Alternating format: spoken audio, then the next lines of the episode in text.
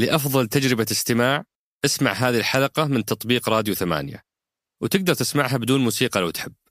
هذه الحلقة برعاية شركة صفا للاستثمار ومنصة سلة للتجارة الإلكترونية. أنتم يا عرب بالذات الخليج ما تستاهلون. مش ما تستاهلون. أنتم عقول فارغة وجيوب مليانة. تم تقديم ملف من قبل أحد الجهات اتهمونا فيها برشاوي وطبعا حاكوا قصص كثيرة. في هذا الأمر. لما قالوا إنه خلاص راح يكون في تحقيق في الموضوع هذا آه، استعنا بشركة أمريكية محاماة أمريكية. آه، متطلبات أو معايير آه، اللي ذكرت لك إياها في التعامل مع هذا التحقيق إلزمتنا أن نقدم له المعلومة مع إنه ما كان عنده علم فيها وكانت معلومة سيئة بالنسبة لنا. يعني كانت تسيء بالنسبة لنا. كإيميل.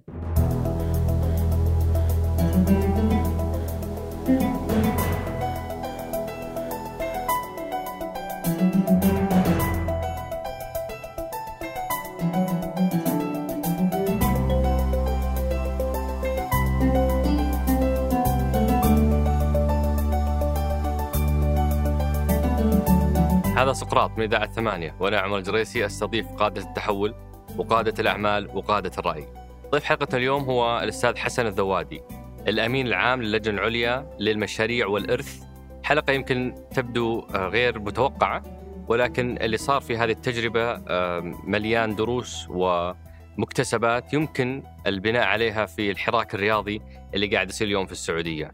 تكلمنا عن ميلاد هذه الفكرة عن تطورها عن إعداد الملف للفوز بكأس العالم آه، عن تقديم هذا الملف والكواليس والرسائل اللي استخدمت في هذا الملف وعن الفوز ثم بعد ذلك ال- الاتهامات والشكوك والتشكيك اللي صار في آه، نزاهة هذا الملف. وبعد ذلك تكلمنا على تجهيز البنى التحتية التكلفة العالية جدا آه، وبقية التفاصيل اللي مرتبطة بهذه البطولة. لما ابتدأت البطولة ما تكلمنا كثير لأنه ما حبينا ناخذ وقت في هذا الجزء اللي أغلبنا عشناه لكن تكلمنا على الجزئيات اللي كانت مثيرة مثل موضوع الكحول آه، الشذوذ والمثلية آه، وغيرها من أحداث كانت نوعا ما مثيرة في في آه، نسخة كأس العالم قطر 2022 ثم ختمنا بسؤال ماذا بعد؟ هذه البنى التحتية وهذه المرافق اللي اليوم البعض يبدو أو يعني يشاهدها فارغة أو غير مستغلة ما هي الخطة أو ما هو التفسير آه، آه، لهذا الوضع وكيف يت- سيتم التعامل معه؟ أترككم مع الحوار. كمستاذ أبو علي. مستوي بين أنا بس أوقف هنا خلاص ما عاد أقدر أكمل. لا لا كانت عندك بعض الكلمات يعني موجودة ما شاء الله الظاهر يعني. يجي مني. لا زالت الإسبانية موجودة عندك. أنا أتذكر أبو علي آه، في في فعالية تقديم الملف كان واحدة من الأشياء الملفتة واللي ترسل أكثر من رسالة ملف طب- طبعا كأس العالم قطر 2022 إنه الشيخ محمد اعتقد تكلم بالفرنسي. بالفرنسي صحيح. أنت تكلمت بالأسباني. بالأسباني وبالإنجليزي. وكلكم كنتوا شباب يعني في العشرينات أعتقد. آه يمكن أنا شوي عديت ال 20 اول الثلاثينات؟ لا شوف إذا وقتها 2010 في في 2010 ك- عديت ال 30 بشوي. أي فيعني كانت فيها أكثر من رسالة شباب متعلمين تكسر الصورة النمطية عن المنطقة عن العالم. فمنها تعرفت على إنه عندك أنت اهتمامات في اللغات بشكل عام. يعطيك العافية. فقل لنا وش قصة آه، اهتمامك باللغات؟ وكم لغة تتكلم؟ برد عليك في هذا السؤال بس في البداية إيه. أو خليني برد عليك في السؤال وبعدين بجيك على موضوع ال- التقديم النهائي للملف أوكي. أو العرض النهائي لأن العرض النهائي مثل ما تفضلت يعني بالنسبة لي آه، يعني دائما نقطة واجب إن الواحد يوقف آه، عليها وللأسف يمكن ما حظت بالاهتمام اللي اللي تستحقه. من ناحية اللغات حاليا طبعا العربي والإنجليزي آه، الإسباني آه، يعني مستواي جيد. آه، ما راح أقول لك أتكلم بطلاقة مطلقة لكن أقدر إني أتواصل مع الناس. الفرنسي بدرجة أقل. آه، أستطيع إني أتواصل لكن مشكلة الفرنسي نفس العربي ترى. يعني الواحد يتعلمه كان يتعلم اللغة العربية الفصحى. في الممارسة في اختلافات واختلافات أوقات تكون ملحوظة. آه، فلهذا السبب آه، لما أمارس الفرنسي يمكن يتح... يعني مع مرور الوقت تتحسن عندي اللغة. إذا بعدت فترة أرجع كما لو إني في بداية ال-. تماما. مرة تن... يعني تفقد اللغة. يعني شوف المفارقات. لما أقابل أشخاص آه، أكون يعني مثلا متمكن من اللغة يتكلمون معي بالفرنسي بطلاقة. أرجع أقابلهم بعدها مثلا بأسبوع أو أسبوعين ك- ك- يكون تركيزي مثلا باللغة الإنجليزية يجي يتكلم معي هو بطلاقة. آه، يشوفني فعلا مواجه مشاكل أتكلم معه. فلازم أخذ وقت ومدة. لأن قلت لك في نهاية الأمر سر اللغة شيء واحد. ممارسة. ممارسة وأساس إنها تكون يعني آه، تقدر توصف نفسك إنك تتكلم بطلاقة هل تقدر تفكر باللغة ولا لا؟ صح. بحرية وبأريحية. طبعا بالإنجليزي بشكل بشكل كامل أقدر أتكلم آه، يعني أقدر أقول لك إني آه، أتكلم بطلاقة باللغة العربية أيضا. آه، مع إن التفكير دائما يكون بالإنجليزي أسهل من بالعربي بشكل عام. آه، الإسباني بديت آه، أفرض على نفسي التفكير على أساس إني أقدر أد- يعني أدعي إني أتكلم بطلاقة. والفرنسي شوي إن شاء الله نحسن. وفي ثلاث لغات الحين جديدة قاعد تتعلمها في ثلاث لغات قاعد نحاول نتعلمها يعني. طبعا دائما الواحد يقول لك يعني على الأقل إتقن اللي موجود بس يمكن أنا أحب عندي شغف في اللغات فأحاول بشكل عام يعني أتعلم حتى لو مصطلحات موجودة أشياء موجودة بس يوم على يوم يعني تحسن اللغة وتلاقي مع الممارسة. كل ما شفت يعني شخص مثلا إسباني أو إيطالي أفرض عليهم اللغة يعني ممكن من مثلا خلال فترة الملف وخلال فترة معرفتي مثلا بميشيل بلاتيني كنت دائما لما أقابله أفرض على نفسي إني أتكلم معه بالفرنسي وهو يفرض إنه يتكلم يرد عليه بالإنجليزي آه لحد ما فترة من الفترات قال لي شوف حسن تعبتوا. بعض أنتم لا آه، يقول لي أنا اللغة الإنجليزية عندي يعني أنا عارف إن اللغة الإنجليزية جدا سيئة بس أهون علي إني أنا يعني آه، أعاني في أتكلم بالإنجليزي عن إني أسمعك أنت تقتل اللغة الفرنسية يعني. ف... فيعني هذه كانت من المحفزات إني أحاول ان أتقن اللغة الفرنسية. آه بس إذا نرجع على موضوع آه الملف بشكل عام آه وبعدين يمكن أستوقف في- فترة آه تقديم الملف أو تقديم العرض النهائي. هذه أنا أنا بجيها وببدأ فيها أصلا يعني إيه. إحنا سعداء اليوم نستضيفك آه، بصفتك الأمين العام للجنه العليا للمشاريع والارث آه، وهذه بحد ذاتها تحتاج تفسير إيش ليش المسمى هذا آه، وسبب الاستضافة أننا قاعدين يعني شفنا تجربة وقصة صراحة مميزة لتجربة قطر في استضافة كأس العالم. السعودية اليوم تعيش حراك يعني غير عادي وغير مسبوق. في موضوع الرياضة واستضافة الأحداث ال- ال- الكبرى الرياضية وفي تطوير الدوري المحلي. فقلنا التجربة هذه تستحق إننا نوثقها نسمعها ونطلع منها بدروس تفيد ال- المنطقة بشكل عام. وبالتأكيد إنها حتكون قصة ممتعة للناس اللي مثلي أنا حضروا كأس العالم فنبغى نعرف كواليس هذا الحدث. فخلينا نبدأ أول شيء ونقول متى أول مرة سمعت عن هذا الحلم؟ لما كان مجرد حلم. شوف للأمانة أول مرة يعني سمعت أنا شخصيا بهذا الحلم آه، في 2009 لما استدعاني سمو الشيخ جاسم بن حمد آه، الممثل الشخصي سمو الأمير آه، إلى مكتبه وقال نبغى نقدم على ملف 2022 هذا كان عام كم؟ هذا كان في 2009 التاريخ يعني المحدد آه، ما ما تحضرني الآن لكن آه، طبعا يمكن في الفترة السابقة يعني أنا بشكل عام آه، بديت مشواري العملي كمستشار قانوني في مجال البترول من ثم في جهاز قطر للاستثمار لكن خلال نفس الفترة آه، كعمل إضافي آه، كنت أعمل في مجال الرياضي كنت في البداية مستشار قانوني لنادي السد الرياضي ومن ثم بعدين ساعدت الاتحاد القطري لكرة القدم في بعض المبادرات اللي تتعلق في الاتحاد وفي تطوير الدوري. كنت لاعب قبلها لعبت فترة في قطر نادي قطر ولا لا؟ كنت آه، مسجل في نادي قطر كنت ألعب في نادي قطر صحيح. يمكن مشاركاتي في المباريات كانت محدودة. يمكن كنت موجود في دكة الاحتياط بشكل أكبر. آه، بس نعم يعني كنت آه، شوف آه، شغف كرة القدم طبعا آه، موجود عند الكل. بالنسبة لي أنا يمكن كانت القصة الشخصية أن آه، بحكم أني كنت أعيش في دول مت- متعددة بحكم عمل الوالد في مجال في وزارة الخارجية فكانت كرة القدم بالنسبة لي أسهل وسيلة إن- أني أخلق فيها صداقات. يعني تجي تشوف شباب يلعبون كورة فكنت أدخل معاهم. فشغف كره القدم كان موجود بهذا يعني في هذا الأساس. أو بني على هذا الأساس. ومن بعدين طبعا من بعدها تجي على قطر الكل يلعب كوره سواء في الحواري ايامها كانت آه، في الدورات اللي كانت موجودة في قلت خليني ألعب يعني أنا أعتقد ان عندي موهبة خليني ألعب في نادي قطر. وكان في اختلاف وجهات النظر ما بيني وما بين المدربين على شتى الأصعدة. آه، مثل ما قلت لك من ثم بعدين في مجال العمل بحكم شغفي في كرة بشغفي في الرياضه وكرة القدم أصبحت مستشار لنادي السد.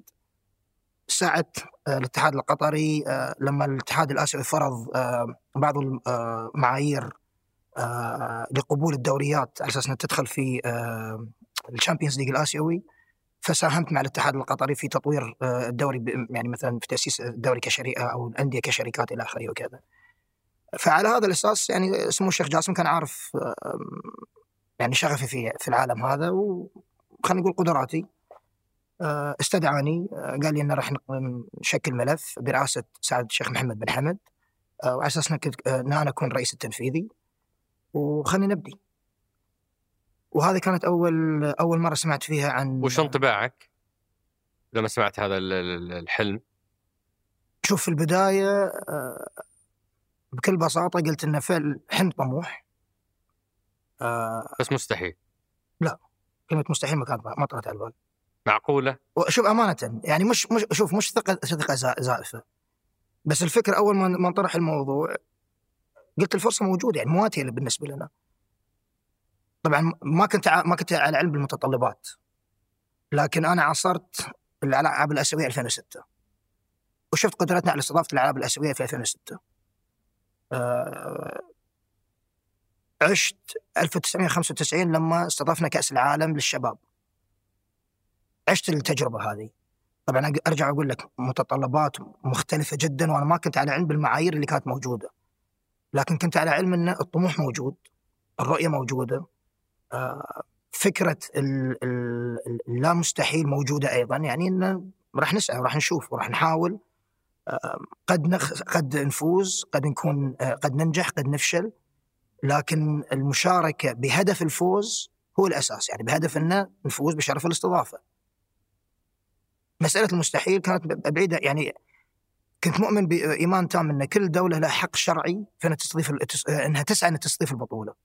وإذا شفت البطولات السابقة على مراحلها يعني أيضا أقيمت في في في في بلدان يمكن كان الحجم عندها كبير لكن كانت الموارد عندها بسيطة. إحنا الحجم يمكن كان صغير وكنا على طول فكرنا فيها ان لا بالعكس هذه نقطة إيجابية ممكن تكون بالنسبة لنا ولله الحمد الموارد موجودة وطريقة استخدام الموارد كانت موجودة بشكل يعني يعني آه مسؤول فليش ليش الطموح ليش الطموح يعني ليش نحدد سقف للطموح؟ كان هذا هذا أول انطباع موجود عندي. طلعت من من الاجتماع هذا وش صار؟ طبعا طلعت من الاجتماع هذا في البداية كانت الفكرة آه، هل أخذ هذا يعني هل هل اخوض في هذا المجال أو أستمر في مجالي اللي هو كان يعني وقتها يعني كانت فترة بسيطة في تعييني مدير شؤون القانونية في جهاز قطر للاستثمار. وكنا للتو إن انتهينا من آه، آه، يعني بعض المشاريع الكبيرة اللي أنا كنت جزء أساسي ورئيسي فيها. فأخذت يعني قلت حق آه، سمو الشيخ صح 2008 كان عندكم نشاط مكثف استغليتوا الأزمة واشتريتوا حصص في شركات سيارات كانت أشياء كثيرة يعني سواء في, في قطاع البنوك سواء في قطاع فكان من أنشط فتراتكم 2008 2009 2008 يعني طبعا النشاط وقتها كان في 2008 بحكم مثل ما تفضلت. الأزمة. الاقتصادية جات. بدينا نستحوذ يعني شفنا إنه فرصة كبيرة استحوذنا في شركات كثيرة. فولكس واجن آه فولكس واجن كانت أحد الشركات. آه طبعا خلال هذه الفترة أيضا استحواذ في شركة هاردز آه آه كنا نتكلم أيضا في آه مؤسسات مالية كبيرة. آه كريدت سويس باركليز إلى آخره وكذا. وكانت استثمارات يعني آه, آه، أعتقد آه، دائما الازمات تخلق الفرص. وبالنسبة لجهاز قطر الاستثمار آنذاك استغل الفرص بشكل كبير. آه، وكنا يعني كنا نعد من من خلينا نقول المستثمرين الدول العالميين آه، المحنكين في استغلال الفرصة هذه. فكنت يعني جزء من الفريق اللي كان متواجد انذاك وكانت يعني ف كان ما بين إني يعني المشروع هذا كان راح يكون سنتين كان راح يكون مشروع مكثف آه وراح لا شك إنه يأثر على آه عملي في جهاز قطر للاستثمار. فأخذت فترة يعني طلبت من سمو الشيخ جاسم يعني فرصة شوي إني أفكر في الموضوع. آه، طبعا دائما أنا نشيد مع سمو الشيخ جاسم دائما عنده رؤية دائما طويلة الامد آه، ما شاء الله عليه فهو قال لا يعني راح ترجع وراح تقول راح توافق أنا عارف انك راح توافق لأن راح تشوف اللي أنا أشوفه. فعلا أخذت فترة يمكن قعدت أسأل فيها أكثر أكثر من شخص درست يعني قيمت المشروع خلينا نقول بالقلم المسطرة نوعا ما ومن ثم بعدين سألت سألت الشغف والقلب. يعني قعدت يعني بيني وبين نفسي قعدت أحاكي نفسي. بالقلم المسطرة مثل ما انت يعني مثل ما أنت قلت أوقات الواحد يقول لا مستحيل. بس في مقومات تعطينا فرص النجاح. يعني ممكن ننجح. من حيث الشغف قلت يمكن هذه فرصة يعني ما راح ترجع مرة ثانية. ما راح تجي مش فقط لحسن الذوادي مش فقط لقطر لكن المنطقة نفسها. قيمتها وصار التقييم ممكن بعدين ادخل في مراحل التقييم اللي, اللي دخلنا فيها بس قلت له هذه فرصة يعني لا تعوض خلينا ندخل المجال ومن ثم بعدين دخلت طبعا مع سعادة الشيخ محمد بن حمد آه، وش الفريق اللي تشكل؟ كيف شكل الفريق هذا اللي تشكل للاعداد لهذا الملف؟ طبعا على عدة مراحل، أول مرحلة طبعا الشخص الأول الأشخاص الأولين الأوائل اللي كانوا موجودين كان سعادة الشيخ محمد بن حمد آه، كرئيس الملف، آه، كان في زميل يوناني اسمه ساكس باتسيلس كان هو من أوائل الأشخاص اللي كانوا موجودين. كان في عندنا مستشارين موجودين أيضا وكنت أنا الرئيس التنفيذي. من ثم بدينا يعني خلينا نقول إن الفترة الزمنية اللي كانت موجودة عندنا كانت فترة قصيرة يعني تقديم فترة تقديم آه، الرغبة في الملف كانت خلال فترة أعتقد ما خاب ظني شهر 6 أو شهر شهر 6 أو شهر 7 يعني كان عندنا فترة آه، من ما كلمني سمو الشيخ جاسم يمكن فترة أسبوع أو أسبوعين بالكثير إن نوقع الأوراق نوقع الالتزامات في تقديم الملف إلى آخره وكذا. وأيضا تشكيل فريق العمل ففريق العمل تم تشكيله يعني خلال فترة الملف نفسه رحلة الملف كلها. أه يمكن الهدف بالنسبة لنا الأساسي في تشكيل فريق الفريق إنه يكون فريق شاب. فشكلنا فريق آه، آه، إنه يكون خارج نطاق كرة القدم. لأن شفنا إن في يعني لتعزيز فرص النجاح لازم الفق... لازم فريق الملف يكون خارج النطاق العام خارج الفكرة النمطية في تقديم الملف. لازم جميع أفكارنا تكون آه، مبتكرة. الكل مؤمن برؤية استضافة كأس العالم. مش فقط في في مسألتنا الدخول وشغف في كرة القدم لكن مؤمن برؤية إن هذه بطولة إذا جاءت لقطر المنطقة أهدافها ومكتسباتها أوسع من مجرد استضافة بطولة. كيف إن هذه البطولة ممكن تساهم وتعزز في الوصول إلى رؤية قطر 2030 اللي تم إطلاقها في 2008. اللي هي طبعا عندها ركائز كثير ممكن ندخل في هذا المجال آه، آه، يعني بعد شوي فكان فريق الملف لازم يكون غير نمطي خارج النطاق لازم يكون بروفيشنال آه، لازم يكون مؤسس صح لأن وفي قطاعات ومجالات أخرى. نبغى الفريق يكون عندنا مهندسين. لما نجي نقدم الملف من ناحية فنية عندنا وعي بمتطلبات الفنية الخاصة. لكن أيضا كيف المتطلبات الفنية هذه تكون جزء من متطلبات الدولة؟ أو بالأحرى متطلبات الدولة أو الخطه العمرانيه الموجوده للدولة كيف إن هذا المشروع ممكن يعزز ويسرع وتيرة العمل على هذا الأساس. آه كان آه كان عندنا أساس آه يعني فريق عمل ملم برياده آه، الأعمال. وكيف انه ممكن هذا هذا الملف أيضا يعزز آه وش أهم المتطلبات اللي كانت أول ما اطلعت على الملف؟ بعد ما وقعتوا ودخل يعني أبديتوا الاهتمام أكيد بديتوا تطلعون على المتطلبات. صحيح. وش أبرز الأشياء اللي ما تنساها وكنت تقول هذه؟ الله يعين. لا شوف أمانة يعني كانت الطلبات نوعا ما إيش أقول لك؟ يعني آه، عادية من اللي يمكن تتوقع في أي متطلبات. يعني ما كان في شيء خارج النطاق. بس انوه لنقطة واحدة. آه، المتطلبات يمكن صارت يعني تغيرت بشكل كبير. 2006 في استضافة كأس العالم آه، لألمانيا صار في إضافة للمتطلبات. يمكن الشيء الأشياء الإضافات اللي كانت موجودة يعني المتطلبات طبعا بشكل عام ملاعب عدد الملاعب أيامها كانت من 12 إلى 16 ملعب. آه هذا كان الحد الأدنى اللي كان كان موجود. آه أو كانت متطلبات كأس العالم. آه الأشياء الأخرى أحاول أتذكر لك فيها لأن كانت عدد المطارات سعه الفنادق. آه لا التفاصيل آه سعه الفنادق صحيح. آه يمكن عدد المطارات وكذا يمكن ما خاضوا فيها بشكل كبير.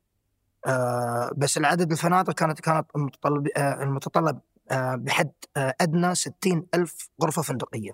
وقتها كم كان عندكم؟ وقتها بداياتها يمكن أعتقد أقل من 20 واو. كغرف فندقية. إي. طبعا إحنا وقتها اللي عمل اللي عملنا فيه مثل ما مثل ما شفت بعدين الخطة اللي وضعناها فترة الملف طبقناها فترة كأس العالم. صنفنا إحنا قلنا راح نعطيكم غرف فندقية أو غرف سكنية بخدمات فندقية فرحنا إلى أعداد كبيرة يعني وهي طبعا خطة طبقناها في 2006 أيضا يعني حتى لما جينا في في آه تقديم المعايير أو تقديم المتطلبات اللي كانت موجودة ما كانت يعني عن عبث أو منبثقه فقط من آه وحي الخيال. كانت أشياء وخطط موجودة طورنا فيها يمكن جينا في أشياء جديدة ابتكرناها لكن كانت دائما مبنيه على واقع، وقائع موجودة عندنا وخبرة موجودة متراكمة موجودة في تنظيم الفعاليات الرياضية اللي قبل كأس العالم اللي قبل كأس العالم. استف... إيه لا شك. يعني كانت استفادة كبيرة سواء من الأشياء الإيجابية أو السلبية. سواء كانت في استضافه الأحداث اللي كانت موجودة في قطر أو أيضا الاستفادة من الأحداث اللي في الخارج. يعني كان مقياسنا معيارنا مثلا آه، بشكل إيجابي ألمانيا 2006 وبرشلونة 92 ومن آه، آه، ومن ناحية الدروس المستفادة كانت مثلا أثينا 2000 الالعاب الأولمبية في اثينا 2000 والاشياء المفروض أن نحاول نتجنبها. فمثل ما قلت لك يعني يمكن المتطلبات اللي كانت موجودة في الملف بشكل عام. عدد الملاعب 12 ملعب من 12 ل 16 ملعب. آه، وعدد الغرف الفندقية بحد أدنى 60 ألف. هذه ال ألف المتطلبات الفيفا.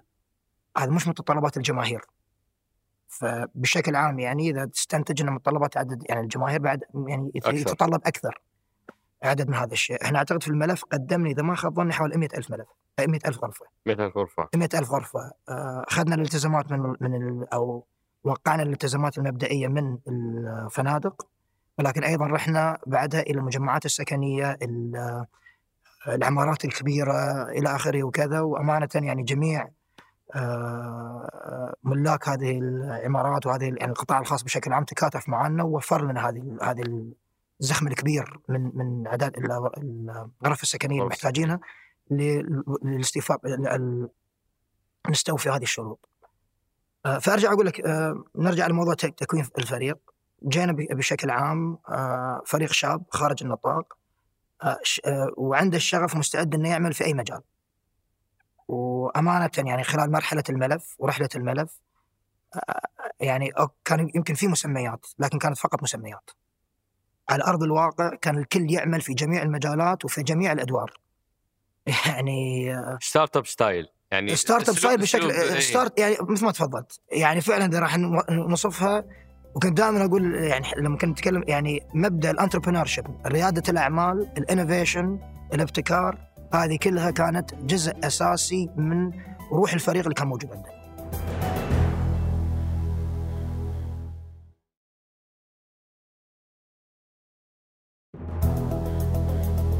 وبعد ما تشكل الفريق وش أول شيء بديتوا فيه؟ طبعا كان في متطلب أشياء كثيرة كان المفروض نسويها بس من أول المتطلبات اللي كانت موجودة هو طبعا الإعلان عن الشعار. آه شعار الملف. آه وكنا نبغى نشوف إيش أفضل فرصة بالنسبة لنا نعلن عن شعار الملف. طبعا كان في خطوات مواكبة إن وضع الخطة وضع المتطلبات والرؤية إلى آخره وكذا هذه كانت على جنب بس من أهم الأشياء أوائل الأشياء كانت مثل ما ذكرت لك آه الإعلان عن الشعار. جبنا شركة تجي تساعدنا في الإعلان عن الشعار آه، وتطور الشعار. طبعا أنت الآن قاعد تتكلم على 13 سنة وصارت في أحداث كثيرة فيمكن بعض الأمور راح أرجع لها بحكم الذاكرة. آه، فأذكر جلسنا آه، اخترنا الشعار اللي كان موجود على شكل كرة قدم قديمة. تعرف المربعات اللي كانت موجودة في كرة القدم الأبيض والأسود؟ مع ألوان مختلفة. والفكرة كانت إن هذه المربعات يعني تجي بطريقة فنية تعبر عن دول مختلفة ثقافات مختلفة لكن في نهاية الأمر اللي تجمعنا كرة القدم وكأس العالم. ورتبنا على أساس أنه يتم الإعلان في نهائي كأس سمو الأمير. طبعا هذه كانت يعني الآن قاعد أتذكرها كانت لها قصص الصراحة يعني فريق عمل جديد ما كان عندنا خبرة يعني إحنا كفريق عمل اللي كنا مسؤولين عن هذا الأمر ما كان عندنا خبرة في آه، تنظيم فعاليات.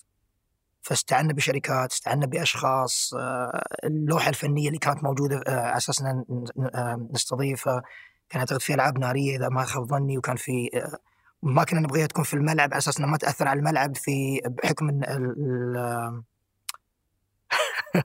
بحكم المباراه النهائيه كاس الأمير. ف وطبعا على أساس إن الفكرة كانت إن سعادة الشيخ محمد محمد راح يجي إلى آه، سمو الأمير الوالد آنذاك آه، يعطيه ورقة تقديم الملف على أساس إنه يبارك في بداية مشوارنا في رحلة الاستضافة. وعلى أساس بعدين سمو الشيخ محمد راح يأشر إلى الشاشة الكبيرة في استاد خليفة وراح تطلع اللوجو راح يظهر في الشاشة. طبعا البروفات كلها كانت الأمور كلها ماشية بشكل مثالي. الأمور كانت كلها كانت طيبة. 20 دقيقة قبل الإعلان كلموني الشباب كانوا في غرفة التحكم قال في مشكلة في اللوجو. طبعا أذكر وقتها يعني تعرف أول مرة وأول ظهور وظهور الإعلامي وكذا ف على طول ركضت إلى غرفة التحكم وكنا فريق قلت يعني وقتها كان فريق جدا صغير يعني ف فإيش اللي حاصل؟ والله ما أعرف اللوجو مشير ما أعرف إيش كذا كذا كذا كذا. فكانت يعني أوقات بالنسبة لنا عصيبة طبعا مقارنة باللي بالرحلة إلى 2022 طبعا كانت لا كان شيء لا يذكر. لكن أنا ذاك من أوائل اللحظات ال... أنا ذاك بالنسبة لك يعني ما تبغي أول ظهور لك في ملف وخصوصا يعني يمكن مثل ما تفضلت الكل يقول لك إنه مستحيل وكان في ناس كثار يعني ما راح أقول لك يسخرون لكن كانت يعني يقللون من يقللون من من فرص الفوز وفي بعض الناس يعني يقولون كيف إنك تدخل يعني تترك مجال العمل وتنغمس في في موضوع مثل هذا وبعدها إيش؟ يعني أنت ماشي كانت امور أموري ماشية بشكل طيب يعني في مجال العمل الأصلي. فكان كان مهم جدا بالنسبة لنا إن هذا الظهور يكون ما راح أقول لك يعني مثالي ولكن ما تكون فيه غلطات. فلك تتخيل يعني الضغط اللي كان أنا كنت آه، تحته واللي واللي حطيت فريق العمل اللي كان موجود في غرفة التحكم آه، آه، تحته. لكن الحمد لله مرت الأمور. بشكل جيد تم الإعلان عن الملف. وبدينا في وضع الخطة. طبعا بعدين الخطة كانت اولا نطاق فني وطبعا في تشكيل الملف بس أبغى أنوه إنه يعني مش الكل كان مقتنع في بداية الملف. وفي ناس جاوا وبعدين من ثم بعدين شافوا إن لا الفرص يمكن ما كانت آه، مواتية وكانت يمكن المخاطر كبيرة وخلينا نقول فرص الحظوظ آه، في الفوز كانت فابتعدوا.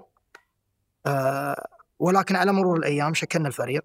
كان في فريق فني مسؤول عن إعداد الملف الفني، كان في فريق تسويقي مسؤول عن إعداد الخطة التسويقية والرؤية بشكل عام. طبعا هذه المسارين اللي كانوا موجودين أساسيين في الملف. وكان في مسار موازي اللي هو تعريفنا ويمكن كان نقول جزء من الخطة التسويقية لكن تعريفنا وتعريفنا إحنا كأفراد وكمسؤولين عن الملف إلى عالم كرة القدم وعالم الفيفا. اللي كان انذاك متخذين القرار كان هم 24 شخص.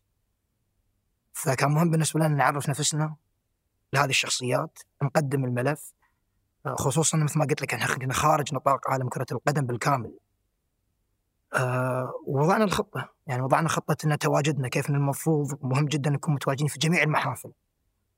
آه وضعنا رؤية الملف نفسه كيف إن رؤية الملف يجب آه وخطة الملف وأهداف الملف يجب أن تستمد من رؤية قطر 2030 وإن لم تستطع فمعناته الملف بالنسبة لنا آه غير مجدي إن نمشي فيه. آه، وكانت مبنية طبعا على أربع ركائز الأساسية اللي كانت رؤية قطر 2030 هي التنمية الاقتصادية والتنوع الاقتصادي التنمية الاجتماعية التنمية البشرية آه، والاستدامة. فجميع الأشياء جميع الركائز اللي كنا موجودين عليها أو خلينا نقول خطط الملف كانت مبنية على إنها تخدم هذه الرؤية وتحقيقها تخدم الرؤية تحقيقها وتخدم أيضا الخطة العمرانية اللي موجودة للبلد بحيث إن متطلبات الملف لن تكون عبء على الدولة إنما إنما تكون محفز ومحرك ومسرع لخطط الدولة اللي موجودة. ومتى تأسست اللجنة العليا؟ اللجنة العليا طبعا بعد بعد بعد, بعد الفوز بعد الفوز آه، أوكي. بعد الفوز. آه وش أصعب مرحلة في فترة إعداد الملف؟ هل هو الأسبوع الأخير قبل التقديم ولا هو بعد يوم التقديم ولا كانت؟ كانت مراحل كثيرة أمانة يعني كانت بالنسبة لنا مراحل كثيرة موجودة يعني محطات كثيرة بشكل احاول يعني أنا ما أطيل عليك لكن في محطات معينة يمكن يستوجب أن نوقف آه، عندها يمكن في بعض الأشياء. آه، أول محطة بالنسبة لنا آه، أحب أذكرها هي خلينا نقول أول حضور لنا في عالم كرة القدم بشكل اجتماعي. كان في روما في 2009 في نهائي ال Champions League ما بين برشلونة ومانشستر يونايتد. آه، كنا أنا وسعادة الشيخ محمد محمد والزميل اليوناني مثل ما قلت لك إحنا ما كنا نعرف عالم كرة القدم بشكل كبير فالهدف منا كان تواجدنا في هذه المحافل الاجتماعية أيضا على أساس تعريفنا بالاشخاص هذه بالشخصيات هذه آه، ما كنا نعرف أي شخص فجلسنا على طاولة بعيدة. يعني كان معظم الناس جل الناس ومتخذين القرار والهيصه كلها كانت موجودة يعني في مكان آخر وإحنا كنا موجودين على زاوية.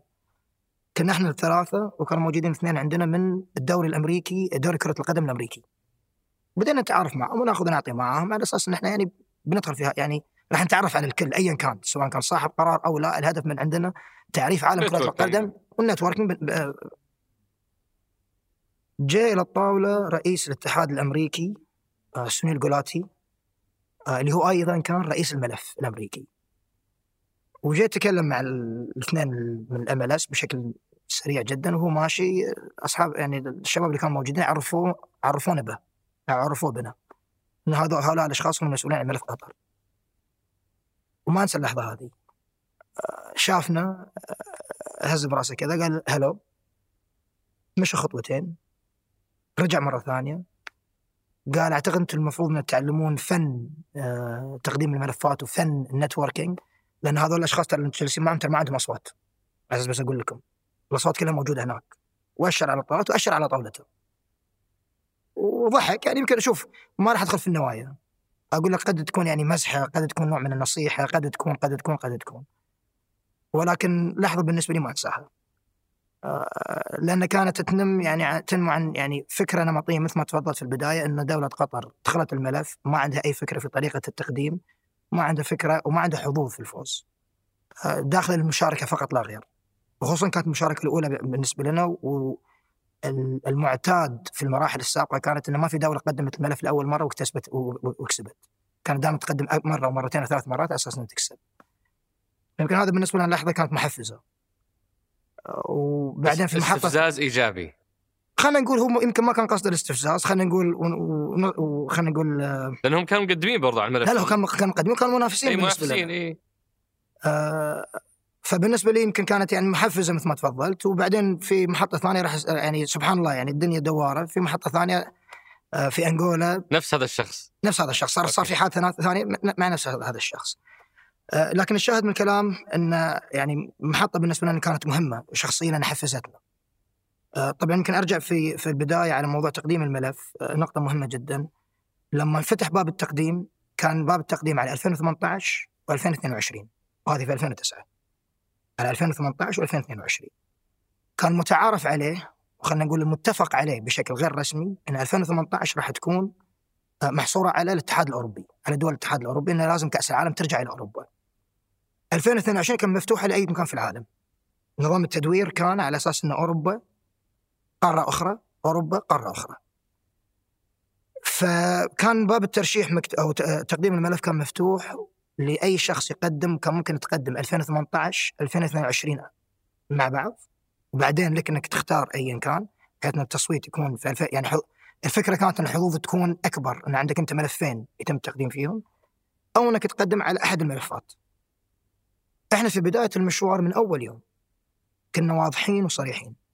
الملف الهدف عندنا 2022 المدة الزمنية اللي نحتاج لتطوير البلد 13 سنة.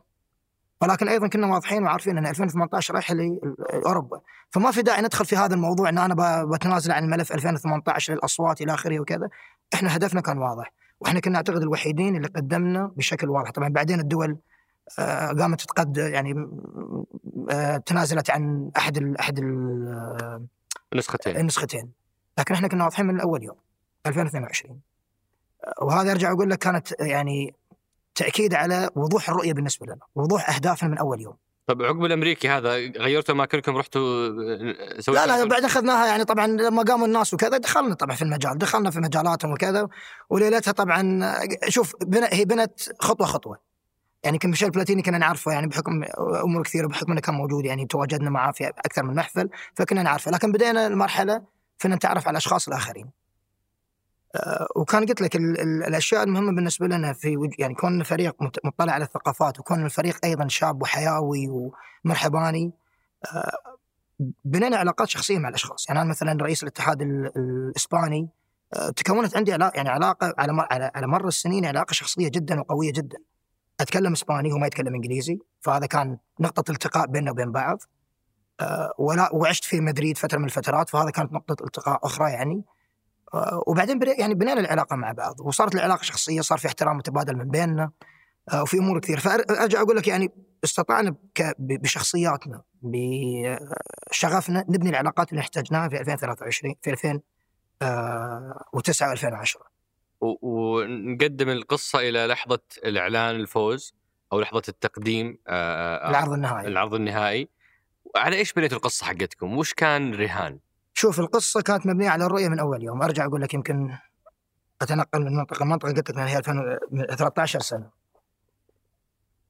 تقديم الملف كان مبني على عدة معايير أو عدة خلينا نقول ركائز ركائز أساسية. الركيزة الأولى هذا ملف عربي شرق أوسطي يقام في أرض قطر، يعني إحنا جايين جايين نقدم الملف هذا ما قاعد نقدمه فقط باسم قطر وإنما هو ملف عربي. هذا كان جزء أساسي في هذا الأمر. من ثم شفنا الصعاب الموجودة، إيش الأشياء اللي الناس تشوفها وتستنكر استضافة قطر لهذا الشيء. صغر الحجم. كان من أهم الأشياء اللي كانت الناس تستنكرها. فشفنا بالعكس إن هذا شيء إيجابي. مشاهدة أكثر من مباراة في اليوم، الجمهور راح يكون آه فرحان يقدر يشوف عدد مباريات أكبر، اللعيبة راح يكون مرتاحين راح يأدون في الملعب بشكل أكبر. موضوع الحر أو أو الجو. إحنا كان عندنا تجربة ناجحة في نادي السد نظام تبريد موجود. نظام تبريد راح يتم تطويره وعدنا إن كل الملاعب راح يكون عندها نظام تبريد. وخصوصا في اخذ اعتبار ترى 1994 نسخة 94 في أمريكا كانت الأجواء جدا سيئة. ومع ذلك أمريكا ما كان يعني ما كانت شيء سلبي بالنسبة ما منع أمريكا إنها تقدم وتشوف وتقعد وتمدح في استضافة 94 مع العالم انها كانت فيها تأثيرات صحية أيضا. لكن إحنا عندنا حلول في هذا الأمر. راح نخلق نظام تبريد ونظام تبريد راح آه، آه، بحكم ان آه، عندنا التزام في رؤية قطر وأيضا التزام دستوري في موضوع الاستدامة البيئية. ان راح أيضا نخلق فرص للاستدامة وراح نلتزم إن البطولة راح تكون إحادية الكربون الانبعاثات الكربونية. فهذه كانت جزء أساسي موجود بالنسبة لنا. وموضوع الإرث طبعا إحنا قلنا دائما الإرث الداخلي بالنسبة لنا إرث اقتصادي لكن إرث كرة القدم أيضا إنه راح تجي للمنطقه لأول مرة. وإحنا لما نتكلم عن المنطقة إحنا مش آسيا فقط. إحنا آسيا وأفريقيا. الوطن العربي والشرق الأوسط. وأساسها كانت لهذا الشيء، لهذا السبب يعني حضرنا محافل آه، يعني بعض الأشخاص كانوا كانوا ينتقدون ليش تروحون محافل ما فيها أصوات. يعني مثلا آه، زرنا بيروت ما ما استح ما تستحضرون الذاكرة إذا كانت 2009 و2010 في اجتماع وزراء العرب والرياضة آه، وزراء العرب للرياضة والثقافة. ما لهم أي دخل في عالم كرة القدم كانوا آنذاك ما لهم أي دخل في اتخاذ القرار. لكن كان مهم بالنسبة لنا ارسال إرساخ الفكرة إن هذه بطولة عربية. اختيار للسفراء كان اختيار نابع من هذه الرؤية أيضا إن السفراء يمثلون الوطن العربي. الكابتن سامي الجابر فريق 81 آه، آه، منتخب 81 بالنسبة لنا طبعا آه، اللي شارك في كأس العالم في أستراليا وطلع الثاني يعني كل كل سفير كان له رؤية وكان له هدف. زين الدين زيدان وطبعا ممكن أقول لك بعدين لأن في قصة أصلا في كيف أعلنا عن زين الدين زيدان وكان في هدف في فترة الإعلان هذا. بس الشاهد من الكلام من هذه كانت الرؤية موجودة بشكل بشكل أساسي. ف جميع رسائلنا جميع خططنا جميع آه، يعني المحافل اللي تواجدنا فيها كانت دائما لها هدف استراتيجي ان توصل ان توصل وترسخ هذه الفكرة اللي موجودة. وعشان نفهم إحنا كيف يتم اتخاذ القرار عادة في مثل هذه الاستضافات؟ شوف وقتها طبعا تغيرت الآن لأنه صارت في قصص كثيرة يعني من من ذيك الفترة ومتغيرات كثيرة في الفيفا، لكن وقتها كان آه يكون في آه تقديم ملف فني من قبلنا آه من ثم يكون في آه زيارة فنية من قبل فريق الفيفا يصير في تقرير تقرير فني وتقييم فني من من ناحيتهم ومن بعدها يكون القرار تصويت والمفروض التصويت يكون سري. ما بين 24 اللي مسوتون ال 24 ال 24 عضو لجنة تنفيذية طبعا هذا أنا ذاك. آه وهذا كان طريقة اتخاذ القرار بشكل عام. بس إحنا شفنا إنه طبعا أوكي في تركيز على متخذين القرار صحيح. ولكن عرفنا من أول يوم انه طبعا راح يكون في استنكار إذا قطر فازت وما حد عارف أصلا المبادرات اللي قمنا فيها فكان مهم بالنسبة لنا أصلا التواصل التواصل من ناحية الوسائل التواصل انذاك يمكن ما كانت بالشكل المعهود الآن أو بالشكل المتوفر الآن آه، اللقاءات الصحفية تواجدنا في محافل كثيرة تواجدنا مع شخصيات كثيرة إلى آخره وكذا لإرسال رؤية الرؤية والفكرة اللي موجودة. طبعا آه، كان في يعني بدينا المشوار كان في استنكار وكان في خلينا نقول سخرية نوعا ما في آه، في حظوظنا وفرص الفوز. 2010 في أنغولا رحنا إلى كأس كأس الأمم الأفريقية واخترنا هذا الوقت بالذات لأن كان كان في 2010 كانت جنوب أفريقيا راح تستضيف كأس العالم. كان في استنكار كبير من العالم الخارجي وانتقادات كثيرة كون جنوب أفريقيا هي الدولة المضيفة. أول دولة أفريقية راح تضيف تستضيف البطولة. فكنا يعني كان في تقارب من بيننا من ناحية الاستهجان والاستنكار هذا والسخرية اللي كانوا كانوا يمرون فيها. فشفنا إن أقرب إن يعني أحسن فرصة بالنسبة لنا اولا إن نوصل رسالتنا إلى القارة الأفريقية، نحن مؤمنين في قدرتكم على استضافة بطولة ناجحة. ومثل ما الناس تستنكر هذا الشيء بالنسبة لكم قاعد يستنكرونه بالنسبة لنا، لكن إحنا هذه الرؤية اللي موجودة وهذا الشغف اللي موجود وهذه هذه الرؤية الفنية اللي موجودة عندنا. لكن بشكل أكبر هذه الع- العزيمه والاصرار الموجودة عندنا مثل ما موجودة عندكم. وإن إحنا متقاربين وفرص إن فرصة إن كأس العالم تجي المنطقة لأول مرة المفروض يكون حق مشروع آه، ما يكون يعني فيه تحديات أو خلينا نقول آه، عدم إقبال على هذا الشيء بحكم إن الفكرة مستحيلة. انجولا كانت مفصل بالنسبة لنا، كانت يعني فترة مفصلية ومرحلة مفصلية لأن فعلا غيرت معايير المنافسة بشكل كبير. ألقيت كلمة طريقة إلقاء الكلمة آه، اعلنا عن آه، روجي ميلا وقتها كسفير للملف. آه، القارة الأفريقية تفاعلت معنا بشكل كبير. يعني لحد الآن أذكر إن وكم صوتهم لهم من ال 24 أربع أصوات. أربع أيامها. أصوات. كان عندهم أربع أصوات.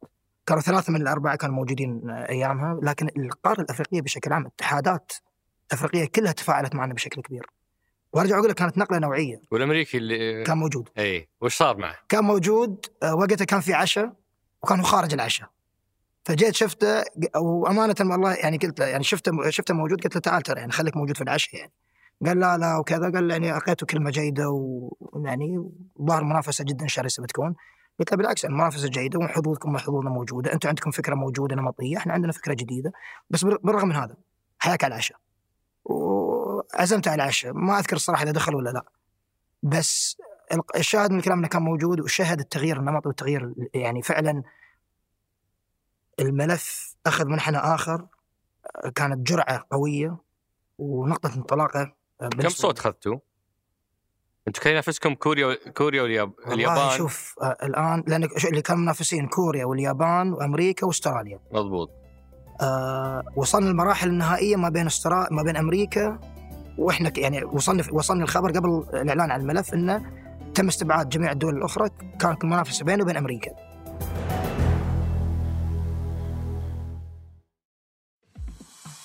ودك تبدأ تجارتك الإلكترونية أو تتوسع في تجارتك الحالية؟ منصة سلة تقدم لك حلول تقنية متكاملة تسهل عليك عرض منتجاتك وخدماتك بمختلف خيارات الدفع والتخزين والشحن. كله بضغطة زر. انشأ متجرك الآن وانضم الآلاف التجار من الرابط في وصف الحلقة. لو عندك مناسبة ومحتار في الضيافة أو ودك تهدي شيء مختلف جرب ماكرون إيرماين. بأشكالها الجذابة ونكهاتها الغنية. وشيك على الرابط في وصف الحلقة. الجماليات المعمارية مهمة بس جودة البناء أهم. وحداثة التصاميم مهمة لكن الخدمات والمرافق أهم. المهم والأهم مضمون. تملك المستقبل مع وحدات شركة صفاء للاستثمار. أعرف أكثر من الرابط في وصف الحلقة.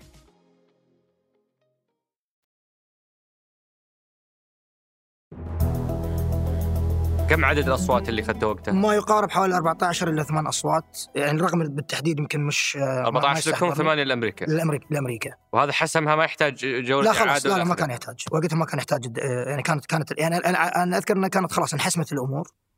آه، حتى من مفارقات إن آه، إذا تشوف إذا تشاهد في صورة مشهورة سعاده الشيخ محمد آه، فرحان سعاده الشيخ جوعان يلم من ورا وكذا والكل فرحان وأنا موجود على طرف الصورة متشنج. سبب التشنج إن أنا لما عرفت إن أمريكا وقطر فأنا داخليا قلت خلاص أمريكا فازت لكن كنت مرتاح نفسيا لأن لأن فعلا سوينا اللي علينا. سوينا اللي علينا وبرجع لك بعدين في العرض النهائي ال- ال- ال- بالنسبة لنا خلاص ابلينا اللي علينا وبلاء حسن الحمد لله ويشرف وصلنا للمراحل النهائية. فكنت متوقع إن أمريكا هي اللي راح تفوز. فأنا ما كنت أقدر أشاهد القاعه أو سيف بلاتر وهو يرف ويطلع الظرف الاسم من الظرف. فكنت أشاهد الشاشة. فالتركيز كان طبعا على الشاشة آه، الظرف حجمه يعني يملي الشاشة. طلع الظرف. فلما طلع الظرف أنا يعني قمت بحكم إن الكل قام. بس في بالي قاعد أشوف الشاشة وقاعد أشوف بداية الظرف بداية ال- ال- الكرت لأن في بالي إنه United States of America اسمه طويل أكيد الاسم يعني ال U راح تكون في يعني على طرف الظرف. بعدين راح يكمل United States of America فقاعد أشوف من كثر ما أنا يعني مش مستوعب مركز على طرف. الطرف. فاضي. طرف فاضي. مش عارف إيش اللي قاعد يحصل. تعرف عايش يعني يعني نوعا ما خلينا نقول يمكن شوي فصلت عن عن الواقع فترة معينة. لحد ما بدأت أسمع أسمع الشباب. أسمع الأصوات. yes yes yes yes yes yes. وقتها انتبهت إن إحنا فعلا فزنا. وفي هذا من هذه اللحظة آه، يعني أبو علي ابتدأت رحلة التشكيك.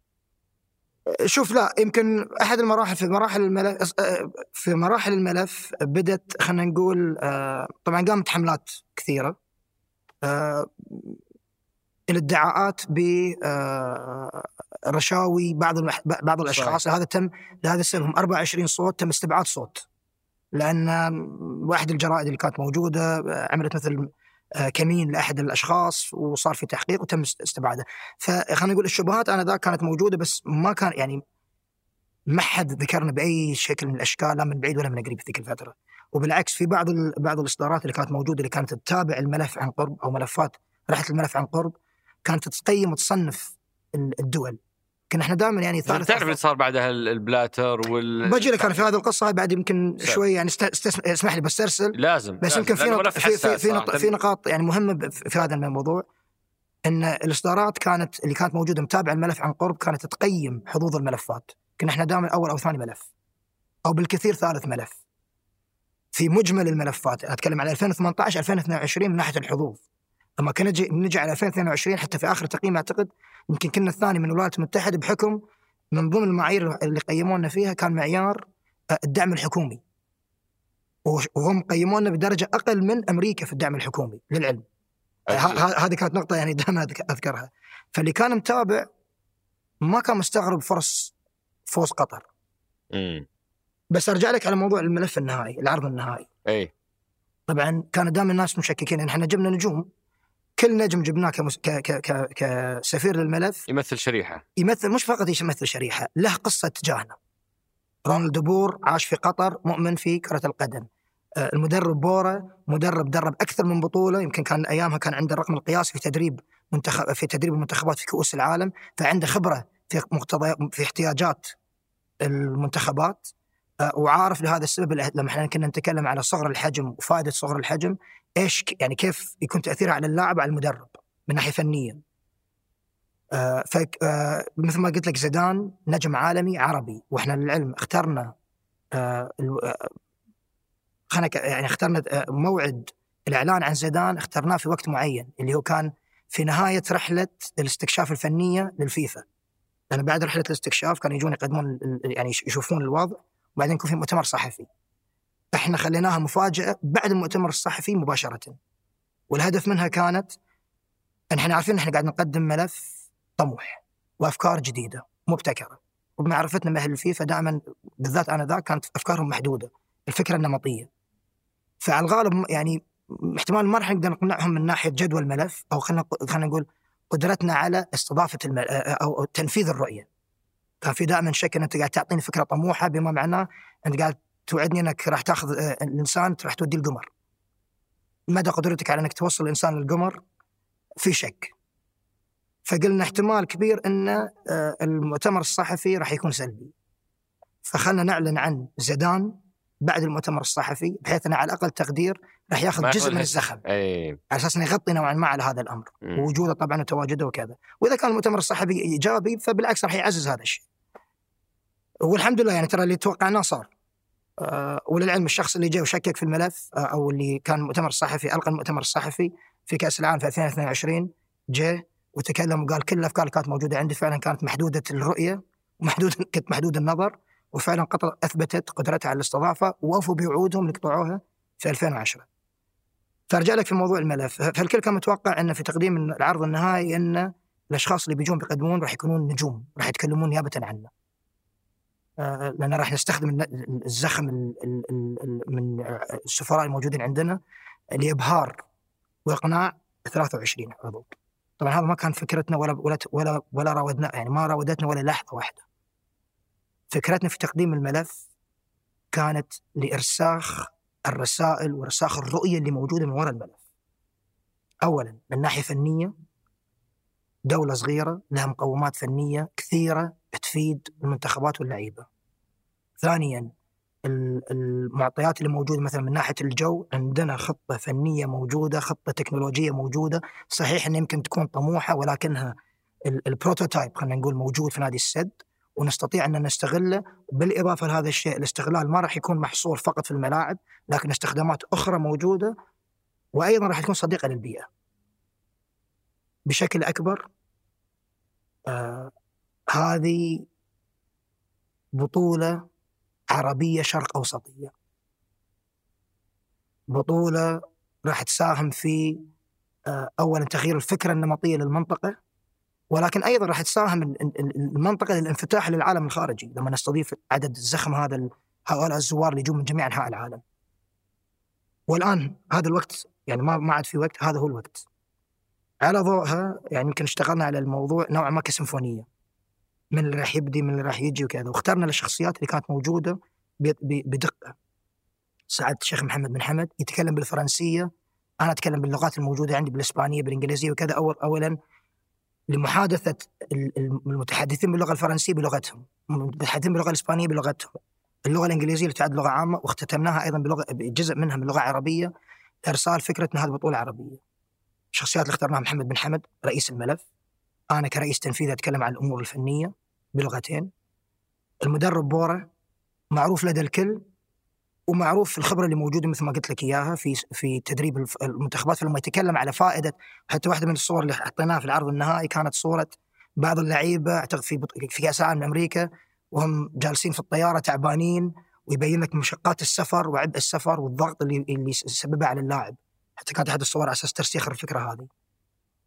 اخترنا طالب عراقي آه كان في العراق لما العراق فازت في كاس اسيا وجي قطر كان على منحة دراسية لدراسة الطب كان موجود عندنا يتكلم على آه، آه، تجربته والتجربة اللي عاشها لما العراق فازت في 2007 في كأس آسيا وكيف أن استطاعت كرة القدم اليوم واحد وإن كانت لوهلة بسيطة أن تجمع أنا ذاك طبعا تعرف العراق يعني أنا ذاك كان يمر في ظروف يعني صحيح مشاكل كثيره وكذا فكيف انه في لحظة واحدة استطاعت كرة القدم وبطولة اسيا ان تجمع الشعب على مختلف المذاهب وعلى مختلف وعلى آه، آه، عمق بعض ال- ال- الفترة آه، ذيك الت- التفرقة اللي من بينهم لكن وحدتهم وحدتهم في فرحة اليوم. الاحتفالية في فرحة العراق. وهو تكلم في خبرته هذه.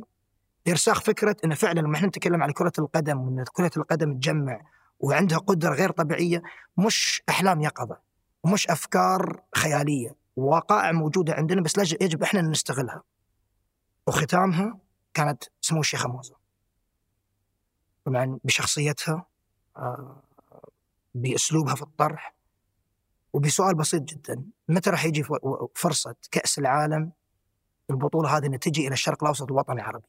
وإن 300 مليون شخص مغرم وعاشق لكرة القدم يستطيع إنه يحتفل الاحتفالية هذه. طبعا على نطاق أوسع أيضا المنطقة سواء كانت شرق آسيا آه، آه، أفريقيا إلى آخره كذا. يعني كنا نجمع ثقافات كثيرة لكن الوطن العربي بشكل خاص هذه فرصتنا. وإذا ما كانت تجي الفرصة الآن فالفرصة راح تروح راح تضيع بالنسبة لنا. فان الأوان بالنسبة لنا إن كأس العالم تجي عندنا. انوه النقطه بعد أساسية جدا. سمو الشيخ الم... آه، الشيخه موزة كانت العنصر النسائي الوحيد في جميع الملفات اللي كان عنده دور فعال وأساسي في العرض. يمكن إذا ما خابني الظن أعتقد يمكن ما أكون يعني دقيق في هذا الشيء بس العناصر النسائية كانت لا دائما شيء. موجودة بس ما تتكلم. حتى يعني كلوديا شفر أعتقد آه، لا مش كلوديا شفر ال إل مكفرسون جابها ال- ال- الملف الأسترالي وكانت موجودة في الخلف كان الملف الأسترالي يتكلم. فالعرض النهائي وأنا وأنا أقول لك يمكن إحنا شفناها لأن 2012 آه، لندن فازت في 2012 آه، أعتقد فازت في استضافة الأولمبياد 2012 قبلها أعتقد يمكن في 2007 أو 2008 وكانت دائما يشار إليها بالبنان كالمثال ال- ال- الجيد في طريقة تقديم الملف وكيف إن الواحد لازم يتعلم ويدرس طريقة تقديم الملفات من هذا الشيء من هذا الأساس كيف إن طريقة الطرح الرسائل الأساليب إلى آخره وكذا. بس أقول لك إياها وبكل فخر وبدون يعني ما أقول لك إنها استكبار يعني بس أمانة استطعنا اليوم إن نوضع وارجع أقول لك ما أخذت حقها. العرض النهائي للملف كان يعني طريقة أقول لك إياها اليوم ممكن هي تكون البنش مارك الدولي في طريقة تقديم العرض النهائي. يمكن المفارقات ال- المضحكة قناة الكاس كانت تصور تقديم الملف. ما حد كان عنده علم باللي بيصير. ابدا إحنا يعني حرصنا على السرية التامة. فقناة الكاس كانت جاية وجاهزة جاي مترجم باللغة الإنجليزية. وإذا تلاحظ الآن إذا موجودة كانت يعني فلما جاء آه، تكلم سعاده الشيخ محمد يعني بالفرنسي كان متفاجئ تسمع صار في ربكة عندهم خلينا نجيب المترجم باللغة الفرنسية أساس إنه يجي ويتكلم وي- ويبدي الترجمه. ف يعني يمكن هذه النقطة بالنسبة لي يعني استرسلت فيها شوي. لأن كانت نقطة نقطه يعني نقطة كبيرة يمكن ما أخذت حقها على مر ال 13 سنة اللي مرينا فيها. فعلا هي أرسلت أكثر من رسالة وعبرت عن عالجت أكثر من ستيريوتايب أو صورة نمطية صحيح عن المنطقة عن قطر موضوع إنه إنه منطقة جاهلة أنتم طلعتوا بثلاثة متعلمين إنه منطقة لا تستحق طلعتوا بناس شباب المنطقة ما تمكن المرأة وكان فيه آه، تمكين المرأة ومنطقة تستعين بالمال آه، وبالأشخاص إنهم يوصلون رسائلهم. وارجع وأقول لك النقطة الأساسية كانت إحنا تعمدنا قدم إن الملف. جميع الأشخاص اللي كانوا موجودين كانوا كانوا سواء مشاهدين أو ما كانوا حتى حاضرين في القاعه صحيح وكان وكانت بسواعدنا. والآن ابو أبو أبو علي خلينا نفتح الملف الأهم تفضل. ملف الفساد اللي من يوم ما ابتدت القصة وفيه تشكيك وفيه آه كلام وفي أظن صدرت بعض الأحكام أظن في أمريكا آه آه آه، في جزئية إنه فيه أشخاص صوتوا بمنفعه أو أو لا. مقابل منفعة لا. فالوقت كله لك افتح هذا الملف وعطني كل اللي عندك لأن لأن لازم فعلا للتاريخ نوثق هذا الموضوع. صحيح.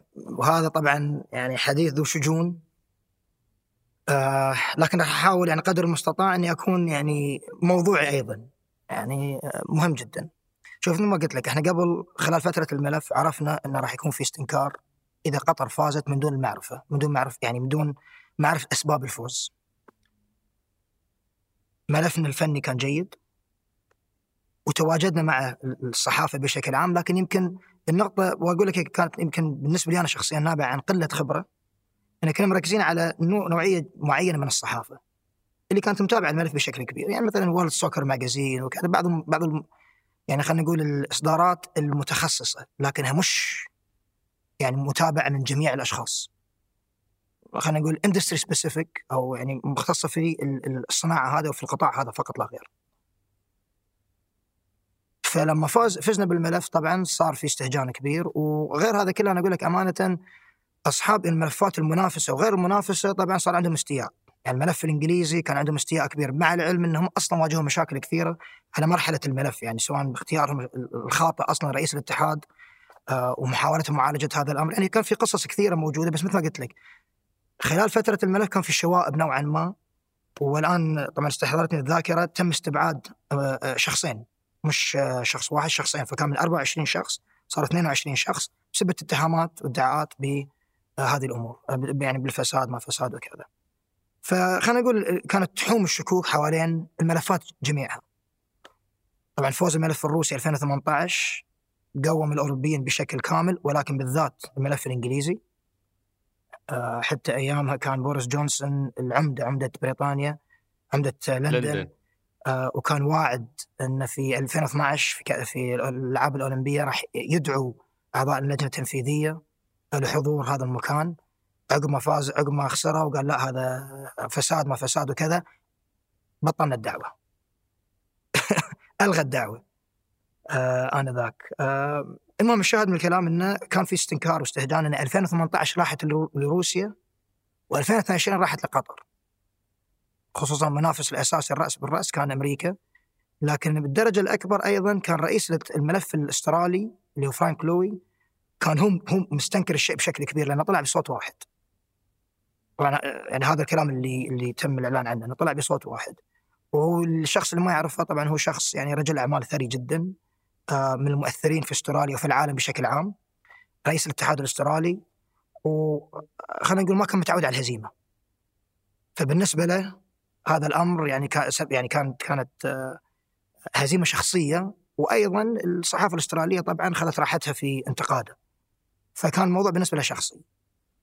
أقول لك إياها لأن من بعد ال... بعد ما فزنا صارت آه، عدة خلينا نقول آه، عده فرق أو عده آه، أهداف وشخص ومجموعات مجموعة اللي خسروا الملف المنافسين اللي عملوا جد يعني بكل جهد لأن مش قادرين يقتنعون إنهم كانوا أقل منا آه، من الناحيه الفنية وأقل منا من ناحية. يعني لابد إن في شيء شائب يدور حوالينا آه، كان عندك الصحافة بشكل عام والصحافة يعني فعلا لما فزنا يعني أول يعني كانت كانت الموجة اللي قامت علينا في أول الأيام أيضا كنت أقرأ يعني ال- التقارير كانت موجة يعني انتقادات مسعورة مش مبنية على وقائع، مش مبنية على شخص زار قطر أو عارف قطر وعارف المنطقة وقدراتها ايا كانت وكذا. كانت يعني مبنية تعرف تتكلم أنت على على ألف ليلة وليلة يعني آه، بعض الانتقادات اللي جات من بعض الصحافة. آه، فهذه كانت جزء جزء آخر. آه، وطبعا داخليا كان في خلينا نقول من ضمن الفيفا كان في آه، طبعا الفيفا يمكن أعتقد أفضل شخص يمكن وصف آه، السياسة داخل الفيفا يمكن هنري كيسنجر فتره من الفترات في تقديم الملف 94 قال إنه يعني أنا أتوق إني أرجع إلى سياسة الشرق الأوسط يعني بحكم اللي شافه من الصراعات اللي تصير في داخل داخل الفيفا فكان هذا طبعا عنصر آخر كان موجود ومتواجد. آه، بس معظمها كانت مبنية على فكرة واحدة. مبدأ واحد إن أنتم يا عرب بالذات الخليج ما تستاهلون مش ما تستاهلون أنتم عقول فارغة وجيوب مليانة كان هذا الوصف بشكل عام اللي أو الرؤية اللي كانت موجودة سواء من ناحية الانتقادات اللي نالتنا أو من ناحية الأشخاص اللي استنكروا الفوز اللي كانوا منافسين لنا. نحن لدينا المال وليست لدينا العقول أو القدرات فإذا فإذا حققنا شيء فلا بد أن سبب التحقيق مش القدرة المال إنما المال. هل طوال الرحلة هذه ثبت عليكم أي تهمة؟ لا. ابدا لا وأحب أنوه ولا تهمة ولا شيء وبنا- وب- مثل ما قلت لك بسترسل في الم- في المشوار هذا شوي أي سم اولا الاتهامات مثل ما قلت لك في يعني كانت في يعني أحد الصحف كانت تتكلم عن اتهامات إلى آخره وكذا ومن بعدها خلاص انتهى الموضوع الأمور كانت هادية. أحاول أتذكر أي سنة أعتقد إذا ما خاب ظني 2013 أو 14. 2012 لا قبلها كان في آه، جلسة في البرلمان الإنجليزي. جلسة للجنة آه، شؤون الرياضة والثقافة آه، والترفيه. جلسة برلمانية رسمية. كانوا يت- يتكلمون عن أشياء كثيرة آه، تطوير كرة القدم، مشاكل كرة القدم إلى آخره وكذا وأيضا من ضمنها أسباب خسارة الملف الإنجليزي. وأيامها استدعوا رئيس الاتحاد الإنجليزي السابق تريزمان لورد تريزمان اللي هو كان مسؤول عن الملف في فترة من الفترات لكن بعدين بسبب فضيحه أخلاقية آه، قدم استقالته من رئاسة الملف ومن الاتحاد الإنجليزي. وبعدها ديفيد دين جا واستلم الملف واللي تربطني به علاقة شخصية جدا يعني ديفيد دين اللي كان رئيس نادي أرسنال ومؤسسين للدوري الإنجليزي أصلا الممتاز وكذا وصديق تربطني فيه علاقة قوية جدا لكن جاء في وقت متأخر يعني أتوقع لو كان هو ماسك الملف قبلها آه، خصوصا يتقن أيضا اللغة الفرنسية كانت حظوظ الملف الإنجليزي كانت راح تكون مختلفة بشكل كبير. آه، المهم آه، فاستدعوا يتكلم عن الملف الإنجليزي واسباب الخسارة طبعا يبرر لنفسه انه شبهات وكذا ورشاوي وأكيد في أعمال خلف الكواليس وكذا وكذا. من ضمن الج... من ضمن الجلسة وبشكل إحنا ما كنا نعرفه تم تقديم ملف من قبل أحد الجرائد الإنجليزية. أحب بس انوه نقطة واحدة. المعلومات اللي يتم طرحها ويتم قراءتها خلال الجلسات البرلمانية ايا كانت الجلسات البرلمانية بس إذا كانت جلسة برلمانية رسمية فتحظى بالحصانة القانونية. وأي شيء ينبع من هذه الجلسات وأي قصص تبنى من هذه من, من هذه المعلومات اللي تطلع والأطروحات اللي تطلع في هذه الجلسات فهي لديها حصانة قانونية. وتسمى يعني سواء كانت ال- ال- الشهادات اللي من من الأشخاص اللي يتم استدعائهم أو الملفات ال- المكتوبة تسمى تحت تحت العرف ال- البرلمان البريطاني أو الإنجليزي آه، بدلائل. مش بس كلمة الدليل مش بالمصطلح القانوني البحت أو بالذات القانون القانون الجنائي. هي مجرد تقديم أوراق فهذا يعد دليل. تم تقديم ملف من قبل أحد الجهات اتهمونا فيها برشاوي وطبعا حاكوا قصص كثيرة في هذا الأمر. ما أبغى أسترسل في النقطة كثير بس اللهم إني أقول لك إياها جميع القصص اللي طلعت بعدها في الإعلام بشكل عام مبنيه على هذا مبنيه على هذا الاساس اللي ك... ولهذا السبب معظم القصص اللي موجودة بطريقة مباشرة أو غير مباشرة كانت تحظى بطريقة ما بحماية هذه الحصانة القانونية اللي ولدت في هذه اللحظة. بس على أساس نبين لك إن عدد القصص اللي طلع أمور كثيرة اللي طلعت وال... وال... والقدرة القانونية على الرد كذا كذا كان في جزء من التحاليل القانونية كانت تجي مبنية على أساس إن معظم هذه القصص منبعها هذا الشيء. ففي الحصانة البرلمانية لازم نحطها في, في, في عين الاعتبار. المهم فهذا فتم تقديم هذا الملف. طبعا هناك الصحافة تكلمت كتبت بشكل كبير وكذا. اللي ما اللي ما اللي الناس ما تعرفه إن إحنا لما شفنا هذا الشيء استهجنا هذا الشيء طبعا استنكرناه وبعثنا رسالة إلى اللجنة هذه. لجنة يعني طبعا هذا غير المعتاد لأن العادة باللجان هذه ما تستقبل هي هي تطلب واللي يطلب يدخل في مسودة آه الملف ملف اللجنة هذه أو الجلسة هذه. أي معلومة تجي أو أي شيء يجي من الخارج هي مش ملزمة وأوقات كثيرة ترفض إن تقبل بالأطروحات. لكن إحنا قدمنا رسالة ورسالتنا كانت يعني واضحة وفندت جميع الاتهامات بشكل واضح لدرجة أن اخلاقيا آه، أرغمت أعضاء اللجنة هذه في أنهم يقبلون الرسالة هذه. والرسالة اليوم موجودة. اذا شخص يروح على بر... على آه، البرلماني يعني السلكت كوميتيز هذه الموجودة آه، راح تلاقي أعتقد يعني هذه يمكن لأن قبل أجيك بغيت أتأكد إنها كانت موجودة فهي في صفحة 53 رسالتنا موجودة. واستقبلت رسالة. طبعا بعثني رساله بعث رسالة وقتها آه، رئيس اللجنة هو جون ويتنجديل قال إحنا ترى بالعادة ما نقبل هذا الشيء. وهذا خارج العرف الموجود عندنا ويعني مش بشكل عام. ولكن إحنا نقبلها لقوة اطروحاتكم فكانت موجودة. طبعا الناس ما غطت هذا الشيء. آه، فهذا خلينا نقول بداية اتهامات بالملف واتهامات الفساد. طبعا جميع الاتهامات اللي كانت موجودة فندناها. وأحب أرجع بس نقطة وأبين لك في فرق أيضا وأوضح إن في آه، قصة آه، خلينا نقول محورين للاتهامات بالفساد. في محور يتعلق بالملف وفي محور يتعلق بالفساد في الفيفا وبعد أيضا عشان أكون أدق مش في الفيفا كمنظومة. اللي يمكن بعدين طالت بلاتر وبلاتين بس في البدايات كانت في الاتحادات القارية وحقوق البث إلى آخره وكذا. هذه اللي صار فيها آه، آه، القبض في في آه، سويسرا. هذه اللي صار فيها المحاكمات اللي كانت موجودة في أمريكا. اللي صار فيها اللي بعض الناس طبعا تم محاكمتهم تم الحكم عليهم بالسجن إلى آخره وكذا الأمور هذه. ما لها أي خص لا من بعيد ولا من قريب في الملف. أصبح في اتهام آخر في قصة أخرى طبعا صار في اتهام آخر في مواضيع الفساد أو مواضيع الرشوة في الصراع الانتخابي. ما بين محمد بن همام وسبلاتر أيضا ما له أي خص في الملف. طبعا صار في محاولات لتزج بالملف في هذا الشيء إن أشوف لا هذا موجود فهذا كذا فهذا كذا. في موضوع الملف بكل بساطة صار في تحقيق واحد. مايكل غارسيا آه شخص كان شغال في ال FBI سابقا. عفوا مش ال FBI كان مدعي آه أعتقد مدعي أحد مدعي عام في نيويورك. آه، ومن ثم بعدين اشتغل في مكتب محاماة. تم الاستعانة فيه للتحقيق في الملف. ملفات كلها. 2018 2022 ما كانت محصورة على ملف قطر. نقطة أحب أذكرها في موضوع التحقيق هذا أو أو كيف تعاملنا مع التحقيق. لما جاء لما لما قالوا لنا خلاص راح يكون في تحقيق في الموضوع هذا آه استعنا بشركة أمريكية محاماة أمريكية. وكانت. كان الفكرة من أو كانت الاهداف واضحة وكانت التوجيهات واضحة. راح نتعامل معاها بشكل حرفي جدا. راح نتعامل مع مايكل غارسيا كما لو عنده سلطة قضائية في الاستدعاء. مع العلم إنه ما عنده أي سلطة. واحد المفارقات إنه لما جد طلب معلومات معينة من أحد الملفات اللي موجودة بدون ذكر اسامي أساسا ما ما استرسل فيها بشكل كبير بس كانت في 2018 الدولة قالت إحنا معلوماتنا كلها موجودة على الكمبيوترات. الكمبيوترات تبرعنا فيها المدرسة والمدرسة أحرقت الكمبيوترات. وما عندنا أي معلومة تبيها. تبي تجي حياك الله تعالى عند بلادنا غير هذا الشيء ما عندنا أي ورقة ما عندنا أي شيء نقدر نقدم لك إياه.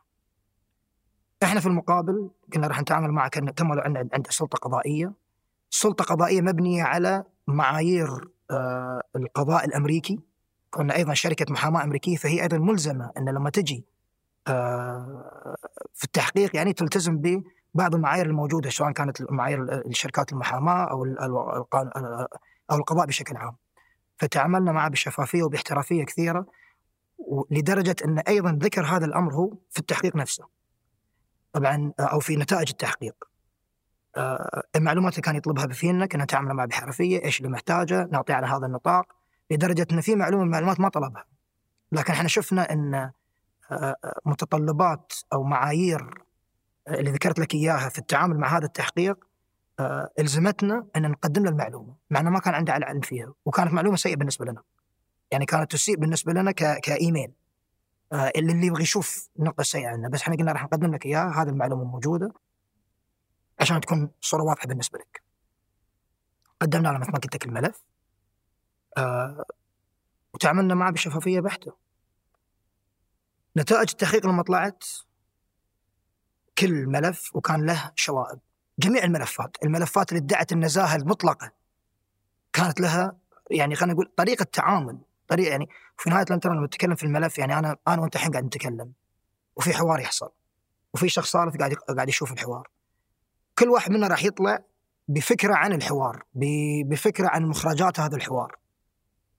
فأكيد تفسيرك للواقع واقع تفسيرك للظروف تفسيرك للأمور الواقع اللي موجود الواقع المفروض عليك له تفسيرات أخرى ممكن تفسرها بطريقة إيجابية ممكن تفسرها بطريقة سلبية آه، بس في نهاية الأمر كل ملف كان له نقطة نقطة سلبية، نقطة إيجابية وش اللي عليكم على ملفكم كان؟ طبعا شوف إحنا إحنا بحكم إن الحمل الحملة اللي كانت موجودة علينا، الحملة المسعورة اللي كانت موجودة علينا وللعلم أتكلم لك على لما تم تقديم الملف من من الصحافة الحملة ما وقفت.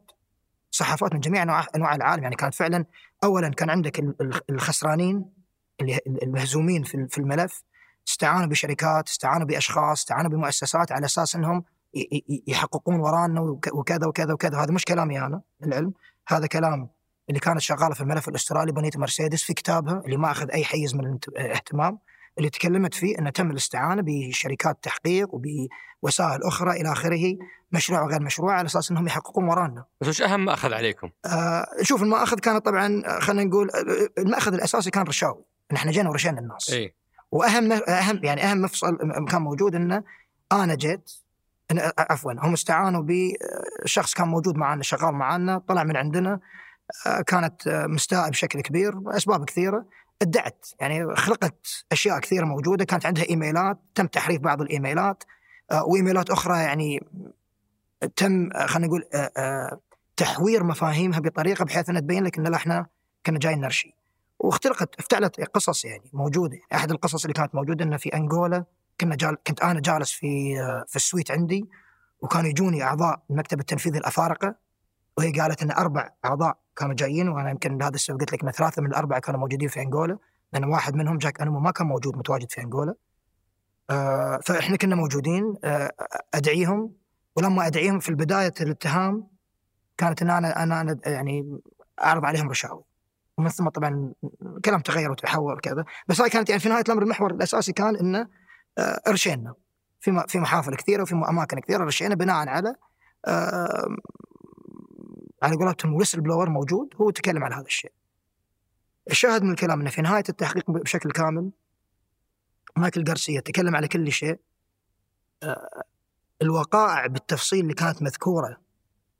مثلا الحادثه هذه حادثة أنغولا في تفاصيل موجودة معينة مثلا وجود شخص يعني كانت هي موجودة معي في الغرفة طبعا هي كانت تدعي ان في ثقة كبيرة من بيننا فكانت هي موجودة معي في الغرفة وكان في زميل ألماني أيضا كان موجود معنا في الغرفة.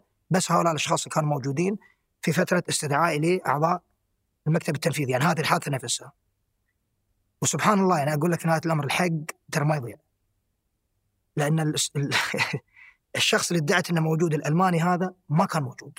ما كان موجود في أنغولا. ولهذا السبب في فترة التحقيق طلب منه مايكل غارسيا قال أنت ما كنت موجود في انجولا إحنا ما كنا نعرف إن هذا كان الادعاء على فكرة. ما كنا نعرف التفاصيل الحيثية اللي هي آه سربتها. سربتها لهم.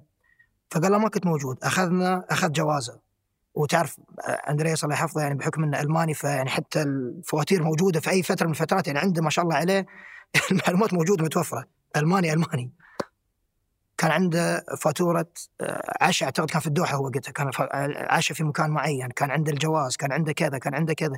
تأشيرة أنغولا ما كانت موجودة لأنه عمره ما زار أنغولا في حياته. فجميع الأتهامات اللي كانت موجودة تم تفنيدها. بشكل مفصل. ولم يثبت ولا شيء. لم يثبت ولا شيء. وإضافة لهذا الشيء غارسيا في التقرير نفسه أثنى أثنى. وكانت وكان الثناء الوحيد اللي موجود من دون جميع الملفات الأخرى اللي موجودة. أثنى على مدى التعاون اللي أبديناه واللي مدينا واللي أعطيناه إياه في الفترة الكاملة للملف لفترة التحقيق. ولهذا السبب هو يعني كانت بما معناه أنه يعني أي شيء يعني ما راح أقول لك إنه وصل لهذه المرحلة بس بما معناه إن أي شيء يشوف إنه كان سلبي فبحكم هذا التعاون يعني يبين لك إن صدق النوايا موجودة وحسن النوايا موجودة من عندنا وما في أي شيء نخفيه. فهذا هو التحقيق الوحيد اللي مر فيه الملف. جميل. كذا نقطع السطر. كذا نقفل هذا الملف الحساس والصعب ونتكلم على الرحلة ال- الأهم رحلة ما بعد الفوز آه وتشكيل اللجنة. خلينا نبدأ أول شيء باللجنة ونعرف ليش ليش. بهذا المسمى؟ آه. وإيش كان دورها؟ آه انزين طبعا إحنا كانت عندنا الرؤية. رؤية من ب... آه، يعني منبثقة من آه خلينا نقول أهداف الملف منبثقة من رؤية قطر 2030 على الركائز الأربعة اللي موجودة. فلما فزنا في الملف كان عندنا 12 سنة. 12 سنة لبناء آه، بنية تحتية في استضافة بطولة ثنائية. في التأكد من الإرث ما بعد البطولة لن يكون عبء على البلد إنما راح يكون معزز ومحرك لرؤية قطر 2030 على جميع الاصعده أو أكثر الاصعده اللي نقدر ن- ن- آه، نوصل لها ونحققها. وأيضا في نفس الوقت تطوير الكوادر البشرية اللي راح نحتاجها في نهاية الامر نهاية الأمر إحنا عندنا خبرة موجودة نقدر نبني عليها ولكن استضافة كأس عالم خارج المعهود خارج عن الفكرة النمطية تواجد يعني كانت الألعاب. حجم ألعاب أولمبية ولكن كأس عالم يعني أكبر بكثير من المتوقع فكان مهم بالنسبة لنا أن نتأكد في قدرتنا على تطوير الكوادر البشرية من الآن ونبدأ نجهزها ونحضرها على جميع الأصعدة اللي موجودة سواء كانت في تنظيم البطولات نفسها والاحداث أو في قطاع المواصلات أو في القطاع الصحي أو أو أو أو, أو. فشفنا أفضل طريقة أفضل وسيلة لأن نقدر نوصل للهدف هذا هو خلق كيان جديد إنشاء كيان جديد آه عنده آه ال- ال- ال- القدرة على إنه آه يتواصل مع الشركاء الأساسيين الرئيسيين اللي موجودين عندنا. في الوصول للاهداف هذه كلها. في جميع المجالات وجميع الأشياء اللي تكلمنا عنها. بالإضافة كون إنها بطولة عربية شرق أوسطية فالتاكد على أن أيضا المبادرات اللي تطلع خارج دولة قطر وقدر المستطاع محاولتنا في أن الاستفادة تكون يعني خارج دولة قطر إلى قطر.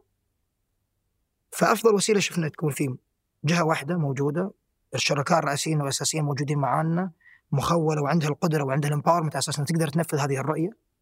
و آه وتعمل في هذا المجال.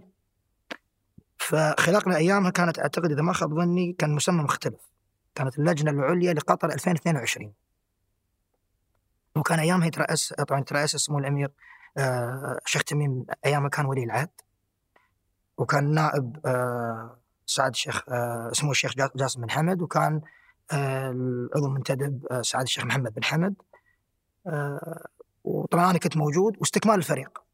كان نقطة أساسية بالنسبة لنا الفريق اللي قدم الملف كمل معنا استكمل الموضوع على أساس الوعود اللي قطعناها في 2010 بطولة استثنائية أه وبعدين برجع لك في. في الطرح اللي طرحناه من ناحية فنية وكيف أن كل الوعود اللي قطعناها في 2010 أه حققناها وأنجزناها بطريقة بفوق الخيال أو المتوقع في 2022 بوصل لك لهذا الشيء بعد شوي ولكن شكلنا هذه اللجنة آآ آآ مثل ما قلت لك هدفها في الأساس متابعة الأعمال الإنشائية العمل مع الجهات المخت... الجهات المعنية في الخطة العمرانية في وضع متطلبات كأس العالم من ضمن الخطة اللي موجودة الخطة العمرانية اللي موجودة تحفيز وتسريع بعض المشاريع اللي موجودة.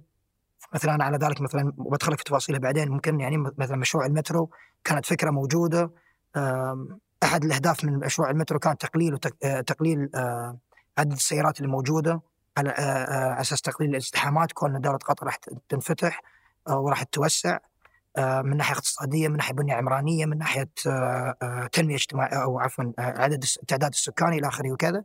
فالاحتياج إلى وسائل نقل عامة جزء أساسي. تقليل آه، آه، مثل ما قلت لك لتقليل آه، عدد السيارات في الشوارع تقليل الانبعاثات الكربونية. وارساء فكرة جديدة وحياة جديدة من ناحية استخدام الوسائل الع- العامة للنقل كانت فكرة. اخذناها في الملف وضعناها كون هي فكرة.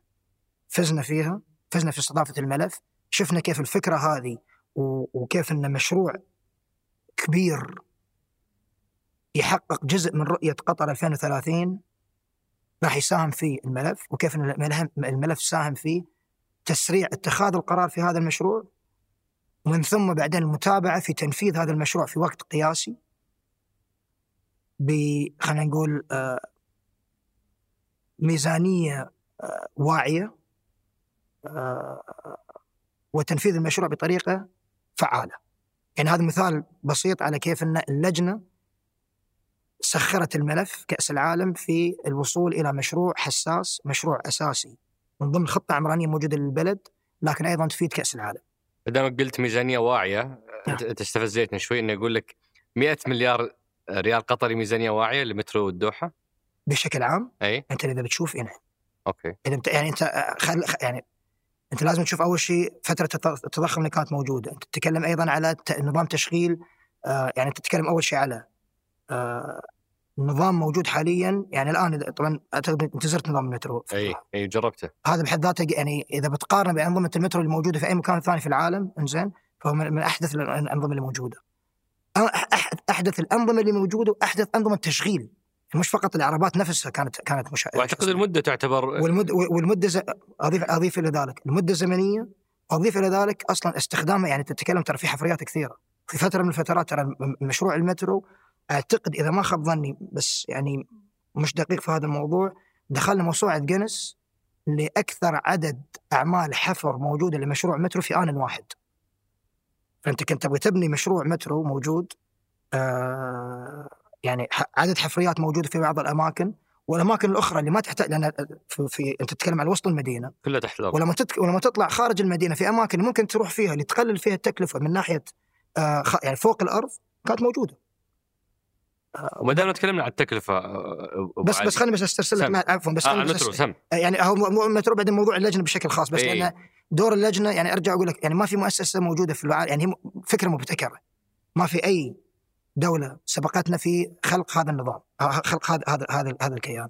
كيان شبه حكومي عنده تنسيق ما بين الجهات المعنية في خلق آه، في في البنية التحتية بناء الملاعب إحنا كنا مسؤولين بشكل مباشر في بناء الملاعب التأكيد من الإرث من الملاعب موجود.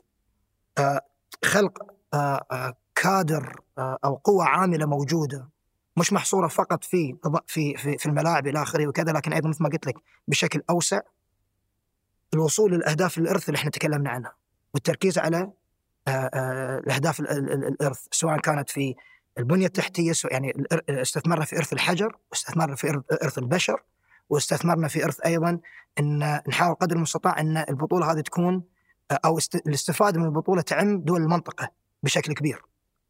ولهذا السبب أطلقنا مبادرات كثيرة من ضمنها مثلا مبادرة جسور في تنمية الكوادر ال- البشرية في نطاق في نطاق آه، ال hosting عفوا شو اسمه استضافة. الاستضافة استضافة الأحداث الكبرى، استضافة ال- الرياضية إلى آخره وكذا وجميع المجالات. أعتقد حتى يعني من المفارقات البسيطة إن أعتقد إحنا خرجنا 4300 شخص من معهد جسور على مر السنين. واحد الأشخاص طبعا هو آه، رئيس الاتحاد آه، عفوا مش تخريج بس هو دخل في أحد الكورسات اللي موجودة رئيس الاتحاد السعودي الآن. آه سياسه المسحل اي نعم. كان. كان أحد الأشخاص اللي استفاد من آه، أو كان مشارك في معهد جسور. فالشاهد من الكلام إنه يعني المبادرات اللي كنا نقوم فيها ما كانت مبادرات محصورة في أرض يعني في قطر أو كيف الاستفادة من كأس العالم فقط في قطر لكن كيف ممكن هذه الاستفادة تكون بشكل أوسع تكون فاللجنه هذه أوسع. فاللجنة هي هدفها إنها آه، يعني تجمع الجهود كلها وتبني خطة تنفيذ ال- ال- المتطلبات سواء البشرية الفنية أو, أو البشرية أو التشغيليه آه، آه، ترويجية تسويقية. آه، في فترة من الفترات كنا كنا قانونيين. آه، ومثل ما تفضلت في نهاية يعني جميع المبادرات يعني كانت عند يعني ما كنا ما كنا مؤسسة نمطية. يعني إذا كنت بتشوف كان- كنت أقول إحنا كان كان هدفنا ولهذا السبب بعدين غيرنا الاسم للعلم. لما تجي على موضوع الاسم كنا المشاريع والإرث. كنا نتكلم عن المشاريع على جميع أنواعها. مشاريع بنية تحتية مشاريع بشرية. والإرث الإرث في نهاية الأمر هو الأساس. أي مشروع يكون جزء من مشروع كأس العالم أي مشروع إحنا نقدمه أي مشروع يتم تقديمه لنا على أساس إنه يكون جزء من كأس العالم الإرث هو المفصل. يجب معايير الإرث تكون موجودة. وموضوع التكلفة هل كانت التكلفة اللي انتهيتوا فيها هي نفسها التكلفة اللي أنتم خططتوا لها؟ إيه. طبعا طبعا هنا لازم لازم أيضا نفرق. أي. يعني مثلا لما تكلمت عن مشروع المترو وكذا لازم نفرق. أنت عندك بنية تحتية موجودة مشاريع موجودة اوريدي البنية التحتية للبلد. هذا مخصصة لها وموجودة لها إلى آخره وكذا. وعندك اللي يتعلق في البطوله بشكل خاص. ممكن أتكلم لك بإسهاب نوعا ما على المشاريع اللي تتعلق في كاس العالم. إحنا مشاريع كأس العالم كانت ميزانيتنا آه، كانت الميزانية المرصودة للأعمال الإنشائية اللي هي مثلا الملاعب أعمال التدريب آه، ملاعب التدريب إلى آخره وكذا آه، حوالي 6 مليار 6.7 مليار دولار, دولار. هذا تتكلم عن ثمان ملاعب. حلو. آه، ثمان ملاعب من ضمنها بعضها يتم تم تطويرها اللي هو استاد خليفة. بعضها تم هدمها وبنائها من جديد اللي هو استاد أحمد بن علي اللي كان في السابق استاد الريان. ومن ضمن الملاعب تم بنائها آه، من العدم. من من من العدم أو خلينا نقول من من, من الصفر. آه، طبعا جميع الملاعب إحنا في فترة آه، التصميم حرصنا على أن نزور المناطق اللي موجودة اللي فيها الملاعب. وأرجع لك بس يمكن قلت لك راح نرجع ونجي نرجع ونجي. مواقع الملاعب كنا حريصين في فترة تقديم الملف إن مواقع الملاعب تكون موجودة في مناطق توصلها شبكة المواصلات وشبكة المترو الموجودة. الم... يعني ما كنا نبغى نحور منطقة أو نزيد على منطقة إلى اخره كذا أو نضيف منطقة فقط للايصال الايصال إلى ملعب. ولهذا السبب أنت في بعض الملاعب يعني المترو يمكن فترة كأس العالم ما كانت توصلها لأن هي من ضمن خطه تنمويه موجودة، فإحنا كنا نعزز الخطة التنموية ما كنا نفرض نفسنا فرض على الخطة التنموية. والملاعب حرصنا أيضا على النقطة الثانية في ناحيه مواقع الملاعب إنها تكون أراضي حكومية. ما نستحوذ على أراضي. كنا حريصين على يعني هذه كانت معيارين من ناحية المناطق. فلما كانت الملاعب موجودة في فترة التصميم كنا نروح نحضر مع أصحاب آه، مع مثل ما قلت لك اللي موجودين في المنطقة إيش المتطلبات؟ هل في متطلبات ممكن توفرها الملاعب لكم متطلبات اجتماعية، ممكن متطلبات آه، آه، حق مثلا محلات إلى آخره وكذا ايا كانت وكلنا أعطانا وجهة نظره ورأيه في الموضوع. أخذنا في ما أخذنا كل شيء أمانة بس أخذنا اللي نقدر نسويه واللي نقدر نطبقه بحكم الميزانية اللي موجودة والأهداف الموجودة عندنا. فشيدنا الملاعب شيدنا الملاعب بمعيار اسمه جي ساس معيار تم تطبيقه آه، للبناء تم تم آه، تطويره في قطر يحافظ على آه، المعيار يشوف آلية الإنشاء بحيث أنها تكون مستدامة تقليل من تكلفة أو تقليل عفوا من مثلا الانبعاثات الكربونية من ناحية الإنشاء سواء كانت من استخدام المياه إلى آخره وكذا وأيضا في في التصميم نفسه أو في التشغيل نفسه أن تكون آه، عندها معايير معينة بحيث أنها توصل مثلا لأربع نجوم أو خمس نجوم أو ثلاث نجوم من معيار جيساس وهذه المعايير طبعا لها في التشغيل أيضا وهي يمكن آه، الأساس في جيساس أنها مختصة في المنشآت الرياضية بشكل خاص. وطبقناها إحنا لأول مرة وتم اعتماد من بعد في الفيفا. فملاعبنا أيضا من ناحية مثلا استخدام الماء استخدام المياه في الملاعب أعتقد يمكن 40% أقل من المتعارف عليه، طبعا في بعض الملاعب أكثر وبعض الملاعب أقل، لكن المتعارف عليه 40% أقل من ناحية استخدام المياه أو ترشيد استخ- استخدام المياه في ملاعبنا. أرجع أقول لك 6.7 مليار لثمان ملاعب وأعتقد إذا ما- 34 ملاعب تدريب إلى آخره وكذا منشآت الرياضية المباشرة لكأس العالم. قيمة تكلفة الملاعب بشكل عام إذا أخذتها يعني القيمة خلينا نقول كمقاعد المقعد كلفنا ما يقارب خلينا نقول 9000 دولار. إذا تقارنها مثلا بروسيا وروسيا كانت اعتقد 12000 دولار. إذا تقارنها بالبرازيل كانت حوالي 10000 دولار. التكلفه نوعا ما خلينا نقول من ضمن النطاق المتعارف عليه مع فارق طبعا الملاعب لله الحمد عندنا قلت لك المستويات والالتزام في البناء بطريقة آه تواكب آه التزامات والتزامات الاستدامة الموجودة عندنا. هذه نقطة. النقطة الأخرى أيضا بس آه، يعني أحط آه، مقياس لما نتكلم على 6.7 مليار للملاعب.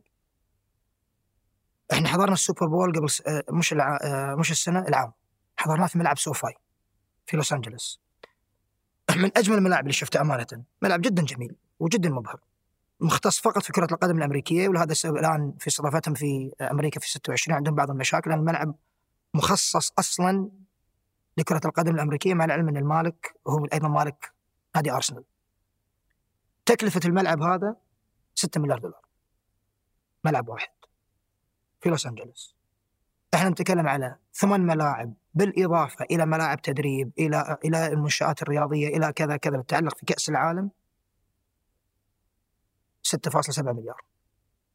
بس للمقارنة من ناحية التكلفة اللي موجودة. فالميزانية هذه اللي وضعناها طبعا من أول يوم حطينا طبعا مرينا في في خلينا نقول مراحل ومحطات كثيرة. إحنا كنا واضعينها من ضمن الخطه على أساس نوصل للميزانية المعتمدة. في وصول الميزانيه المعتمدة لله الحمد وأثني فريق العمل الصراحة الفني بالذات طبعا اللي كان على رأسهم الله يرحمه آه، سعاده المهندس آه، هلال كواري والشباب اللي كانوا موجودين ياسر الجمال الآخري وكذا وكذا وكذا وكذا اللي كانوا ماسكين الملف الفني. نفذ نفذنا المشروع طبعا ننفذ المشروع من ضمن الميزانية الموضوعه ويمكن أبو علي من الأشياء اللي شوية مقلقة وغير مفهومة انه إلى قبل أشهر قليلة أو أسابيع قليلة من يعني موعد كأس العالم كل المؤشرات تقول ان الأمور ليست على ما يرام. أنتم نظمتوا مباراة الهلال والأهلي المصري صحيح. واللي يبدو انها كانت يعني اختبار للملعب والملعب الوسيل يعني. صحيح. وتجربة الجمهور كانت سيئة. سيئة جدا. وحتى برضو الحدث اللي آه، اللي بعده كان في أعتقد مغني آه، هندي أو جمله. مغنيه هنديه أو مغني هندي. برضو ما كانت موفقة. كانت سيئة صحيح. السكان قطر كانوا شايلين هم موضوع البنية التحتية الشوارع صحيح. ما, ما اكتملت. بدأت البطولة وكانت التجربة أنا أحكي عن تجربتي أنا كواحد حضرت ثمان مباريات من أجمل التجارب على الإطلاق وشلون وش وش اللي صار؟ أيضا الجواب يستحد... يستوجب الاسترسال فيه. أول شيء بس خليني أرجع لك على موضوع الميزانيه بس أكمل لك بس اقفل لك موضوع ميزانيه البنية التحتية آه، للبلد. أساس نرجع لك على الموضوع أقفل لك هذه النقطة. آه، البنية التحتية للبلد بشكل عام ما يقارب حوالي 200 مليار ريال قطر آه، عفوا دولار. دولار. بس إحنا نتكلم على بنية تحتية موجودة وخطة عمرانية موجودة أرجع وأقول لك للوصول ولتنفيذ رؤية قطر 2030 يمكن واجب علينا يعني اوقف أوقف لحظة بس أشرح رؤية قطر 2030 على أساس بعدين يمكن المبادرات الأخرى تكون يعني يصير في سهولة الربط ما بين مبادره مبادرات ورؤية قطر 2030. رؤية قطر 2030 تم إطلاقها في 2008 مبنية على أربع ركائز التنمية الاقتصادية والتنوع الاقتصادي وعي كامل إن القطاع البترولي أو القطاع الهيدروكربيني لأن بحكم قطاع الغاز يعني مش مش قطاع مستدام يعني ممكن الواحد يبني عليه آه، للأجيال القادمة. فكان مهم إن تطوير الاقتصاد بشكل عام وتنوع الاقتصاد. آه، الاستدامة البيئية مع مع الوعي على إن آه، الاقتصاد عندنا راح ينمو الصناعات عندنا راح تنمو آه، سواء كانت السياحة إلى آخره أيا كانت الأمور. ولكن دائما ما يكون في تناقض أو خلينا نقول تنافس ما بين التطور الاقتصادي والتزامات البيئة بشكل عام.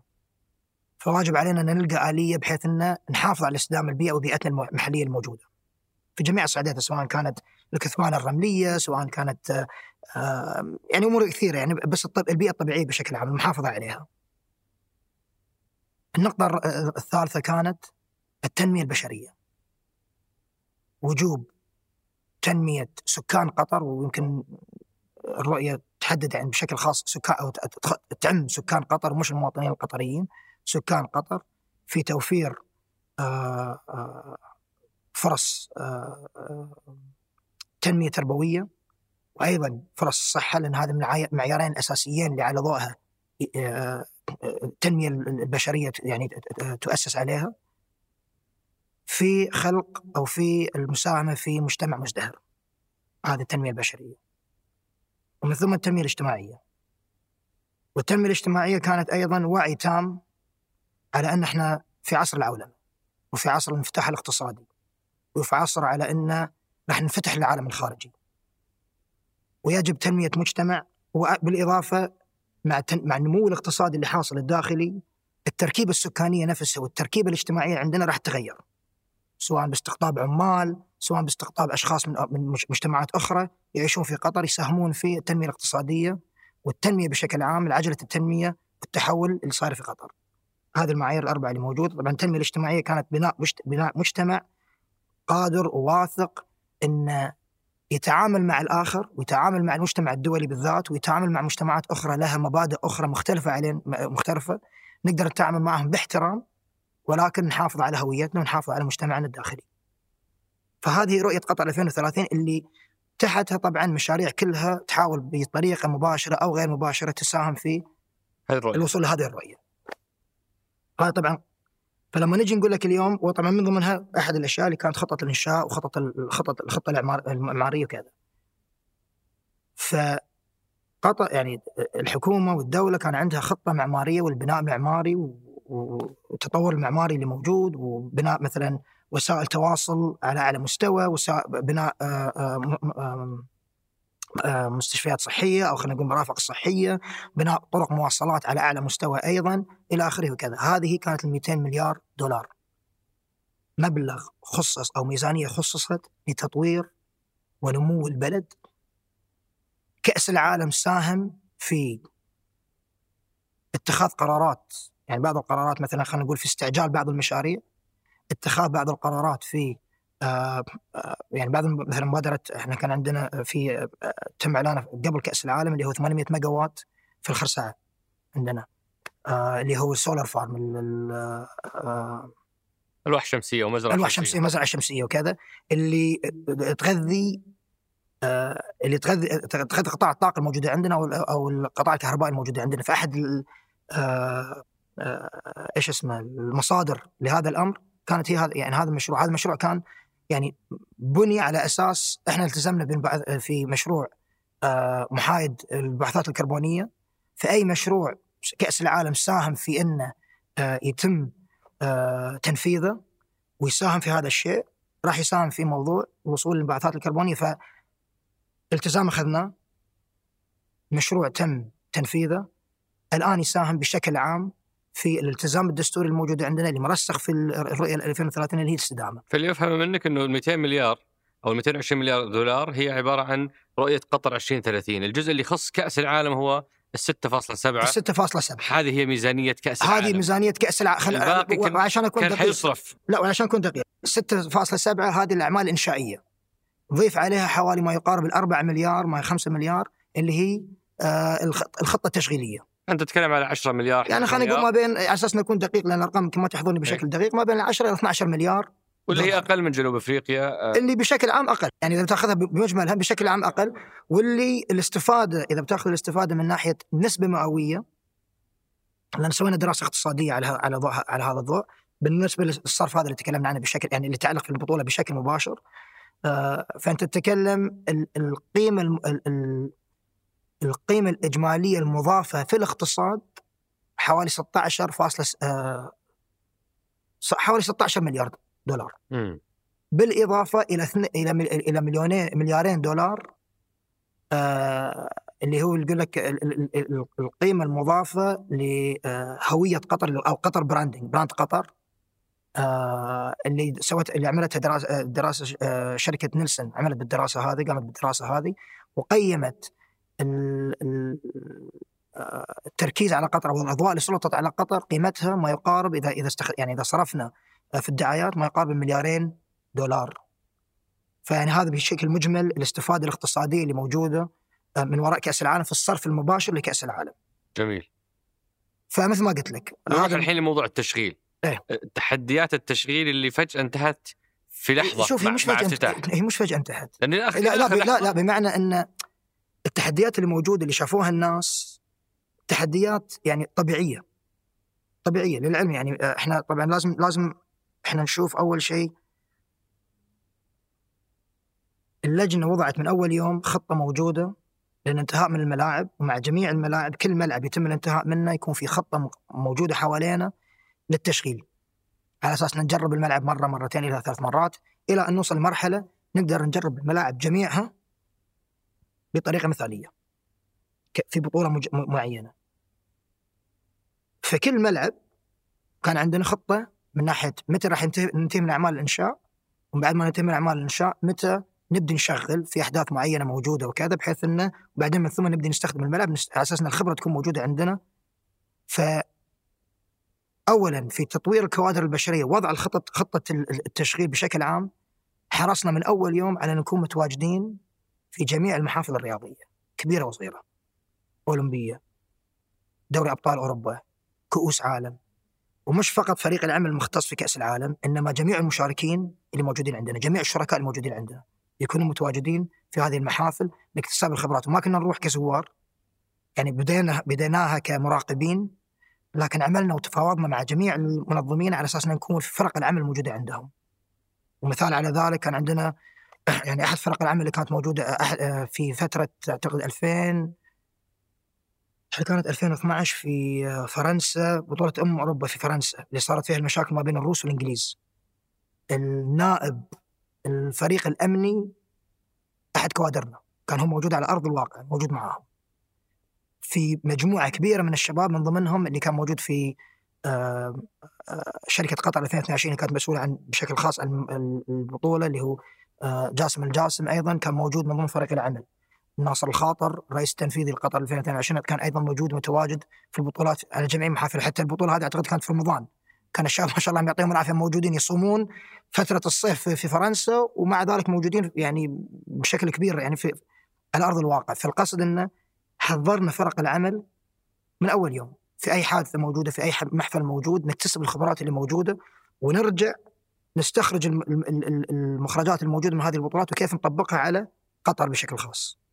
ومن الأشياء المفارقات أيضا القصة الثانية في 2018 كان عندنا آه، القائمين على مشروع الريل اللي كانوا موجودين وأيام كنا إحنا نتكلم إحنا كلجنة منظمة كنا نقول لهم ان إحنا محتاجين عدد معين ما تستحضرني الرقم بالضبط بس عدد معين من العربات. آه وهم كانوا يقولون لا أنتم يعني تبالغون في هذا الشيء. فكانوا موجودين معنا في روسيا واستخدموا المترو وشا بالذات في موسكو وشافوا فائدة المترو في النقل العام. على طول رجعوا جلسنا مع بعض قالوا صحيح إحنا محتاجين عدد سين من ال... وتم زيادة عدد العربات وتم تطوير الخطة التشغيلية للمترو بحيث إنه تواكب احتياج كأس العالم في ذيك الفترة.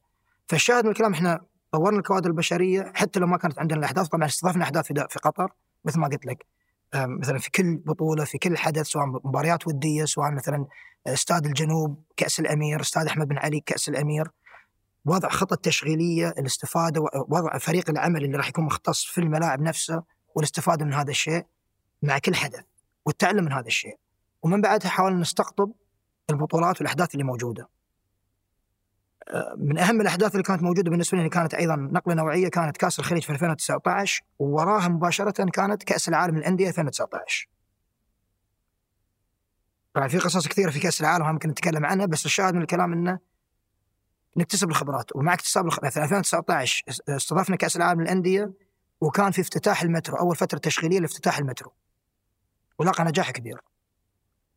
2020 كورونا. 2021 كورونا.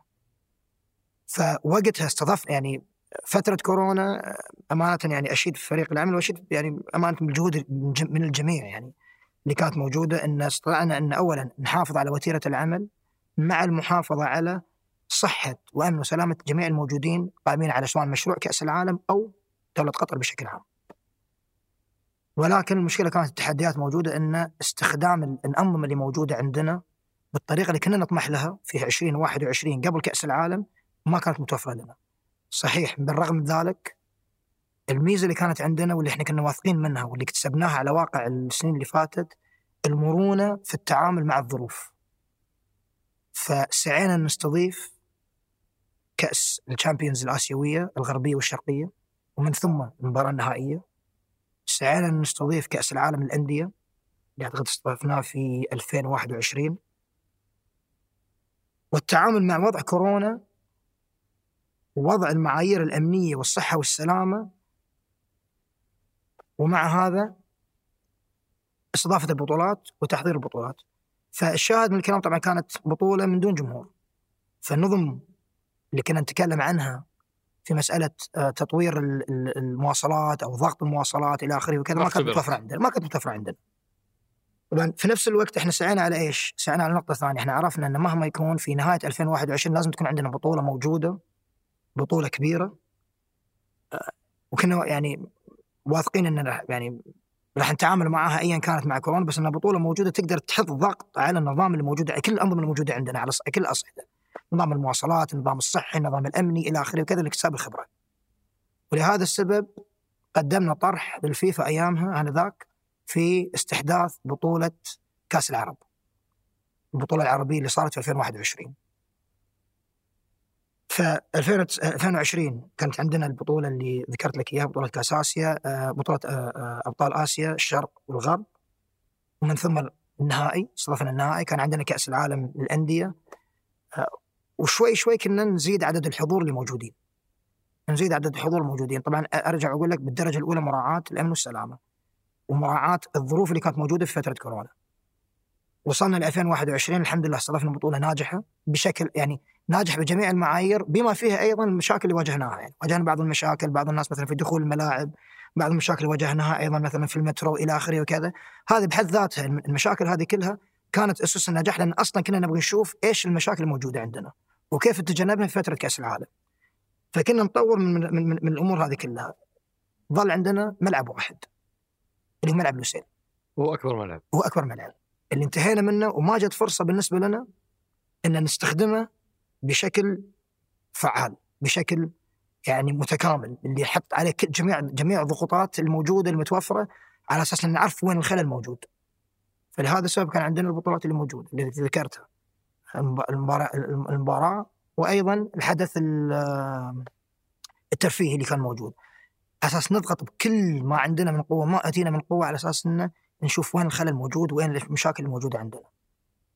فوصلنا لكأس العالم محضرين عارفين إيش لنا وإيش اللي علينا عارفين المشاكل الموجودة عندنا وكيف نتجنبها. بس بالدرجة الأكبر يمكن ما أقدر أقول لك إن إحنا كنا عارفين جميع المشاكل أو كانت عندنا حلول آنذاك لجميع المشاكل اللي موجودة. لكن كونا فريق عمل مرن فريق عمل قادر على إنه يتعامل مع أي ظرف موجود ايا كانت الظروف. يعني يمكن من أحد المفارقات اللي أنا بذكرها الآن يمكن لأول مرة يمكن الناس كثيرة ما تعرفها وأتمنى إنه يعني ما تؤخذ عليه بس يعني فت يعني في المباراه يعني المباريات الأولى كان في مشاكل في, في التذاكر في النظام اللي كان موجود. بس الجمهور ما حس فيها. وهذا نابع بالدرجة الأساسية لطريقة تعامل فريق العمل في هذا الأمر. استطعنا بشكل كبير يعني وبتعاون الجميع سواء كانت الجهات الأمنية آه، اللي لله الحمد يعني انتهت البطولة بدون أي حادثة موجودة. ومع هذا كله الكل كان فرح والكل كان يحتفل. يعني دائما كانت كان في تخوف آه، من من الاشخاص اللي جايين من الخارج إن القطاع الأمني راح يكون موجود بكثافة وراح يرهب الجمهور عن عن إنه يكونون يعني آه، عن يسببون مشاكل. لكن راح يأثر على الفرحة ويأثر على الاحتفاليات. هذا ما صار. الكل كان موجود آه، مباراة الأرجنتين والسعودية طلعوا الجميع بفوز سعودي بنكهة سعودية بتغيير غير طبيعي. والسعوديين ما شاء الله عليهم الجمهور السعودي where's ميسي هذه اللي صارت آه، صارت يعني خلينا نقول نداء جميع الفرق المغمورة اللي فازت آه، على الد- الد- الدول الكبيرة. آه، where's ميسي where's نيمار where's مبابي إلى آخره وكذا. مع ذلك ما كان في أي حادثة صارت ما بين الجمهور الأرجنتيني والجمهور ال- ال- السعودي. ويرجع يعني طبعا غير مو- موضوع انها كانت أصلا احتفالية بس أيضا يعني تعامل الفرق الأمنية الموجودة. بس في هذه الحادثة تعامل مرن، تعامل سلس، تعامل سريع، الفرق اللي كانت موجودة على البوابات إلى آخره، المتطوعين، الأمور هذه كلها ما حد حس في المشاكل اللي كانت موجودة. ولو باخذ آه، أبو علي كذا تعليقات سريعة على مجموعة أحداث. رقم واحد قرار الإفصاح عن مواقع الكحول وإنه الملاعب ما فيها كحول، هذا صار قبل البطولة بأيام قليلة، صحيح، كانت تكتيك مقصود عشان ما تفتح جبهة لا ما كانت. كانت المناقشات يعني موجودة، كنا نتناقش معهم بشكل عام. كان في مناقشات موجودة بالنسبة لهم من بيننا وبينهم يعني مستمرة، ما راح أقول لك على فترة طويلة يعني بس كانت مستمرة موجودة في ذاك الفترة. آه، ومن ثم جات يعني صار في قرار يعني صار في وعي. آه، بفكرة إن يعني الكحول موجودة في أماكن أخرى واللي يريد الكحول يقدر يقصد الكحول واللي ما يريد الكحول يقدر يتجنب الكحول.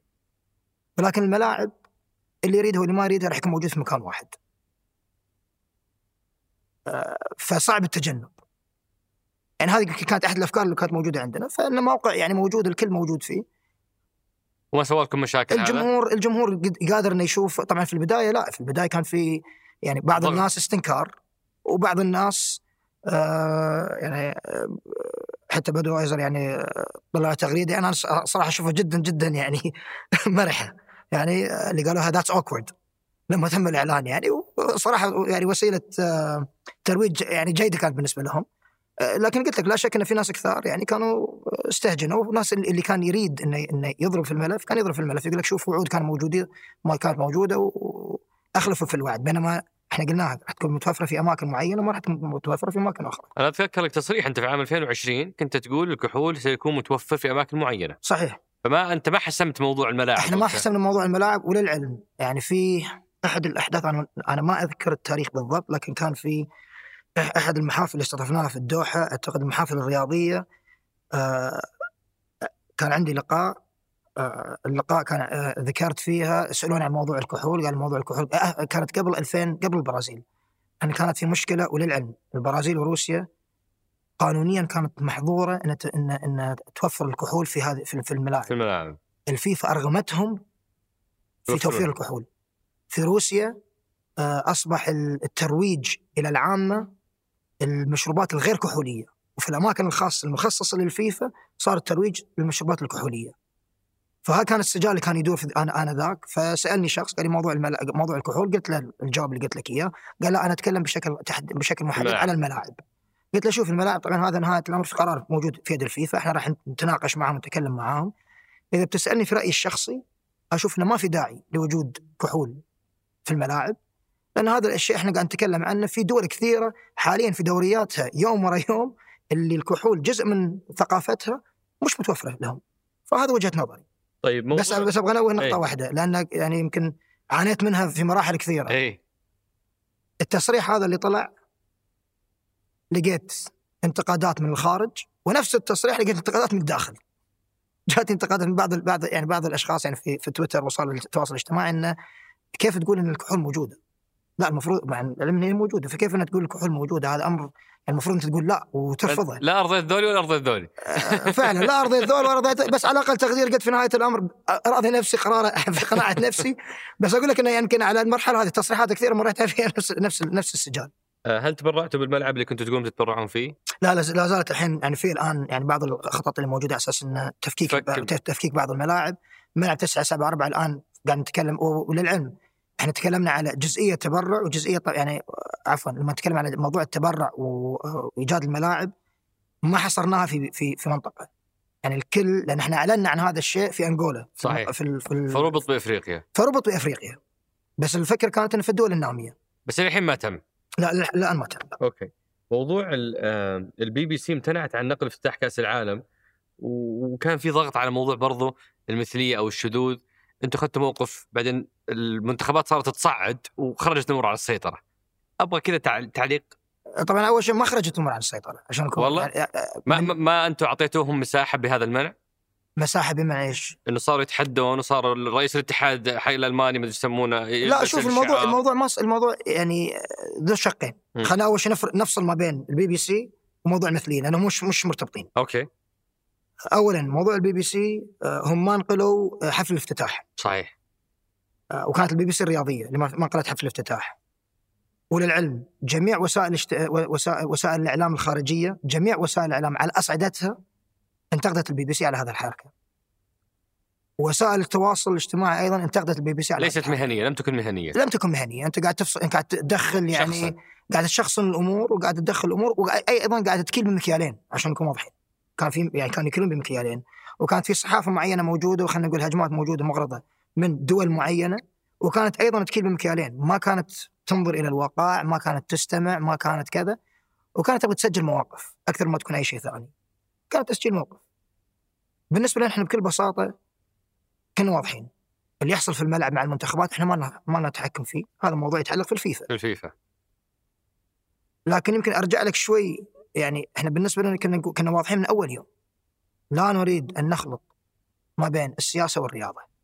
لأن إحنا كنا دائما نشوف إن الرياضة وبالذات كأس العالم ملتقى حضارات ملتقى مجموعات ملتقى آه، آه، آه، أشخاص من جميع المذاهب من جميع الأوطان ومعتقدات كثيرة وعقائد كثيرة أنا اليوم مش دوري أقنعك بجدوى عقيدتي مم. ومش دورك أنت إنك تقنعني بجدوى عقيدتك سواء كنا صح أو خطأ دوري إني أخلق أنا آلية أو مكان نقدر نجي كأشخاص كأفراد. منعتوا الشعارات هذه صح؟ آه في يعني في الخارج ممنوعة أصلا. وفي الج- بس بس بس الدرجات بس, بس آه في المدرجات طبعا في بعض الناس اللي يعني أنا ارجع أقول لك في المدرجات هي فيفا بشكل بحت. لكن يعني يمكن فرد موجود في مكان معين آه نقل شعار ولا كذا طبعا شيء شخصي بالنسبة له. بس بشكل عام خلينا أرجع لك على الموضوع هذا. إحنا بالنسبة لنا الهدف الأساسي كان ملتقى حضارات ملتقى مجموعات. مثل ما قلت لك رؤية قطر كانت تتكلم على راح راح آه راح نكون واعيين أو راح ننطلق إلى ثقافات أخرى موجودة متعددة. الأهم بالنسبة لي مش إني أقنع الثقافات، الأهم بالنسبة لي إني أنا أكون و... نحن نخلق مجتمع واثق من نفسه، مجتمع آه ملتزم بعاداته وتقاليده اللي نابعة من العقيدة من الشريعة الإسلامية مرحب للكل ولكن عنده الثقة الكافية والوعي الكافي إنه يأثر إنه مش هذا إنه يأثر على الآخر أنا مش مش هدفي اليوم إني أقنعك ايا كانت في أي محفل موجود سواء في قطر أو في الخارج إني أقنعك بمبادئ إلى آخره وكذا. لكن هدفي إني أخليك تحترم مبادئي. مثل ما أنا بحترم مبادئك بشرط انه نقطة الالتقاء يعني ما يكون في احترامك يطغي على احترامي أو أو واجب احترامك أنت يطغي على واجب احترامي أنا. طبعا أرجع أقول لك موضوع المثلية بشكل عام الآن أنت تشوف ارتداداتها موجودة في يعني دول المنبع خلينا نقول أو دول الغرب. يعني أنت تشوف الآن مثلا في الشهر هذا اللي هو شهر المثلية في مشاكل كبيرة قائمة في أمريكا في المدارس آه، آه، آباء يستنكرون هذا الشيء، إيطاليا الفترة الأخيرة آه، رئيسة الوزراء الإيطالي أعلنت على حسب المعلومات اللي جاتني أعلنت عن شهر شهر العائلة لترسيخ فكرة العائلة إلى آخره وكذا، هذا أمر موجود عندهم هم. إحنا بالنسبة لنا كانت بكل بساطة أي شخص يجي دولة قطر مرحب فيه ايا كان. مع الأخذ في عين الاعتبار الآداب العامة وعاداتنا وتقاليدنا. مثل ما أي ضيف يجي في أي بيت أي مكان مرحب فيه. جميل. بعاداتنا وتقاليدنا العربية بك- بكرم الضيافة العربية. ولكن فيما يعني في في في آه، الضيف نفسه عنده معايير معينة موجودة يعني لازم يراعيها. أمانة اللي برجع أقول لك. بشكل عام بشكل عام الكل جاء ما كانت في أحداث كبيرة موجودة، صح كان في أحداث من قبل بعض الاتحادات اللي صارت في أرض الملعب. ومن بعض من قبل بعض الشخصيات. طبعا إحنا في نهاية الأمر هذه حريتهم الشخصية. الحريه الشخصيات اللي جات. يعني هذا هذا راجع لهم هم. وعلى أرض الملعب هذا موضوع يتعلق في الفيفا. بعض ال بعض ال ال ال ال الفيفا على فكرة الفيفا منعت وجود الشعارات. بعض المنتخبات آثرت على إنه صعب تصعد أو تاخذ بعض الخطوات. بالنسبة لنا إحنا كان موضوع بسيط. يعني. آه... هذه حرية شخصية. وإحنا ما نبغى نخلط ما بين ال... ال... ال... السياسة والرياضة د- قلت لك هذا ملتقى يعني تبادل الثقافات وتمازج الثقافات اللي اللي اللي صار على يعني ب... بنجاح آه... آه... آه... منقطع النظير. هذا نخليه على جنب. لكن نقطة يمكن نستوقف فيها في هذا الأمر اللي صارت وصارت تلقائية. ما أدري إذا انتبهت ولا لا شعار الكوفية الفلسطينية أي. اللي ظهرت. أنا إحنا بالنسبة لنا كانت رسالة كنا نقول للعالم زين أنتم قلتوا لنا موضوع ان نفصل ما بين السياسة والرياضة وإحنا مؤمنين بهذا المبدأ لكن أنتم ما فصلتوا ما بين السياسة والرياضة لما صار غزو روسيا في أوكرانيا آه، الرياضة يعني زجت بشكل كبير في المجال في هذا في هذا الصراع السياسي آه، واستبعاد روسيا إلى آخره وكذا وإحنا قلنا في نهاية الأمر مع العلم إن إحنا يعني في موضوع ممكن نتكلم فيه لكن إحنا آثرنا على إن لا المبدأ إحنا مؤمنين فيه.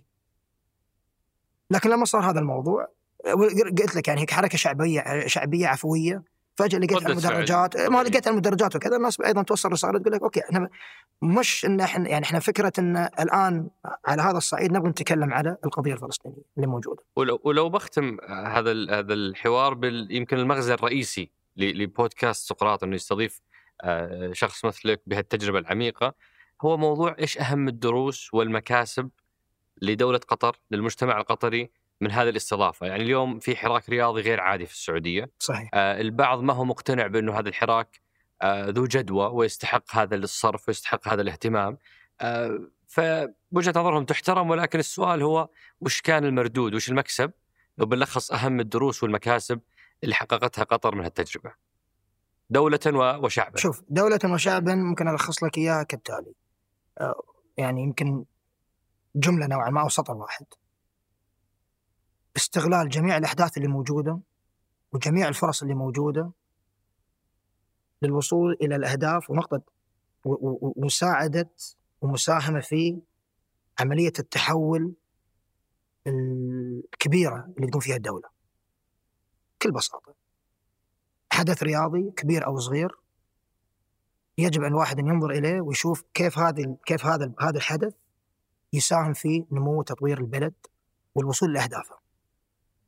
مثل ما قلت لك إحنا يمكن آه، استل يعني آه، أخذنا كمقياس 2006 ألمانيا و92 برشلونة.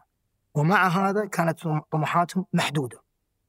برشلونة جزء كبير منه كان ترويج لبرشلونة كوجهة آه، سياحية وبالذات في أنا أنا ذاك سياحة شو اسمه المؤتمرات مؤتمرات وكذا وتطوير المنطقة اللي هي المينا أو اللي موجودة فيها آه، ال- رامبلا الشاطئ. لا لا الشاطئ. آه. منطقة الشاطئ الموجودة بشكل بشكل أخص.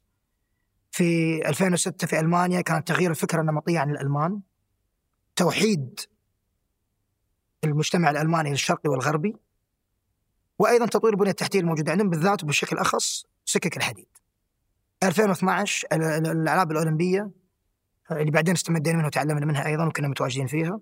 كانت تطوير منطقة معينة منطقه اللي موجودة فيها آه، شو اسمه الملعب آه، إلى آخره وكذا وأيضا آه، ممارسة أو أو نشر ممارسة الرياضة بالنسبة للشعب في في لندن. إحنا شفناها ان مع, هذه الأهداف لما يتكلمون عن الارث الاهداف كانت محدودة.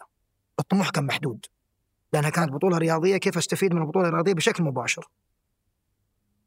إحنا شفنا هذه البطولة وأخذناها بمعنى بمعنى إذا البطولة هذه ما ساهمت في رؤية قطر 2030 بطريقة مباشرة أو غير مباشرة فهي بطولة فاشلة. وبطولة يعني للأسف لا تست... لا نستحق أن نستضيفها. فمن أول يوم كان التركيز دائما على جميع المبادرات وجميع الأشياء اللي كنا نتكلم عنها. فيمكن أوصل لك في الرسالة أول رسالة هي أو أول درس الرياضة بشكل عام تقدر تش... تقدر تكون محفز أساسي للتطوير التطوير البشري، لتطوير الكوادر البشرية، لتطوير الخدمات آه البنية التحتية آه على جميع الأصعدة. بس بشرط استغلاله بطريقة صحيحة والنظر إليها بشكل طموح. هذا الأول هذا الأول. الموضوع الثاني لما تجي على الفكرة هذه وهي أساسية جدا تكوين فريق عمل آه على قلب واحد يعني بالنسبة بتكلم عن تجربتي أنا يعني 13 سنة على قلب واحد ومؤمن في الرؤيه. لأن مرينا في ظروف خلال 13 سنة يعني كانت 13 سنة سنين سنين انعجاف. آه مرينا في مشاكل كثيرة، مرينا في آه يعني أمور كثيرة إن كانت فترة تحقيق إن كانت فترة الهجمات الإعلامية إلى آخره وكذا وفترة من الفترات يعني كان في شك في قدرتنا على الاستضافة وفي حق استضافتنا أصلا يعني كان في آه إشاعات وكانت هي كل إشاعات لكن الإشاعة أوقات لها تأثير كبير على على, على فريق العمل وعلى الموجودين على قدرتنا على الاستضافة. آه أو عفوا على حقيقتنا في الاستضافة واحتمالية سحب البطولة من عندنا. ومع ذلك انه فريق متماسك فريق مكمل قطريين ومقيمين. الفريق هذا ما كان راح يستمر لولا إيمانه التام في إنه قاعد نحاول يعني ننجز أهداف أكبر من مجرد استضافه بطوله، لأنه كان أسهل شيء على أقل تقدير الأجانب كان أسهل شيء بالنسبة لهم يقول لك يا أخي البطولة هذه مش عارف راح تكون موجودة ولا لا، خليني آخذ أهلي من هنا وأروح أشوف مكان آخر. أي دولة ثانية، أي مستضيف أي دولة مستضيفة ثانية ايا كانت. ومثل ما قلت لك مرينا في تحديات كثيرة خلال الفترة هذه بس كان كنا على قلب واحد. كان في إيمان في الرؤية كلها. طبعا أرجع أقول لك في حيثيات ممكن أقول لك اليوم ممكن واحد يقول لي حيثيات موجودة أكيد لا شك. طبعا بس هذا المبدأ هذا هذا المبدأ الثاني. المبدأ الثالث في الأساس أيضا آه مثل ما قلت لك آه دائما نابع من الرؤية تكوين جهة موجودة لها رؤية موحدة بحيث أن الجهات الأخرى اللي موجودة مسؤولة عن قطاعاتها. فكيف القطاع هذا اللي هو محفز خلينا نقول قادر إنه نوعا ما يساهم في إنه يعني الكل الكل يمشي في مسار واحد. إحنا عندنا مثلا خطة تنميه عمرانية موجودة للبلد. كيف إن أنا الآن احاول أوازن ما بين الخطة هذه اللي موجودة والإرث وأيضا احتياجات كأس العالم والبطولة. آه في من ضمن الخطة مثل ما قلت لك من الرؤية مثلا موضوع تطوير العمالة وتطوير قوانين العمالة كيف إن أنا أقدر أخلق آه، من ضمن النطاق اللي أنا موجود عندي معايير وتطبيق معايير رعاية العمال بطريقة معينة ممكن على ضوءها تستفيد منها آه، أو ممكن تطبيق تطبيقها بنطاق أوسع في البلد ما بعد البطولة واستغلالها بهذه الطريقة. فأرجع أقول لك هي فكرة إنه يكون في فريق خلينا نقول نوعا ما مركزي نوعا ما يستطيع ان يتعامل مع الشركاء بشكل معين بحيث إنه تنظيم بطولة استثنائية ولكن أيضا الأهداف المرجوه من هذه البطولة الأوسع نطاقا ممكن نوصل لها. وماذا بعد كأس العالم؟ لمن؟ لقطر ولا ل...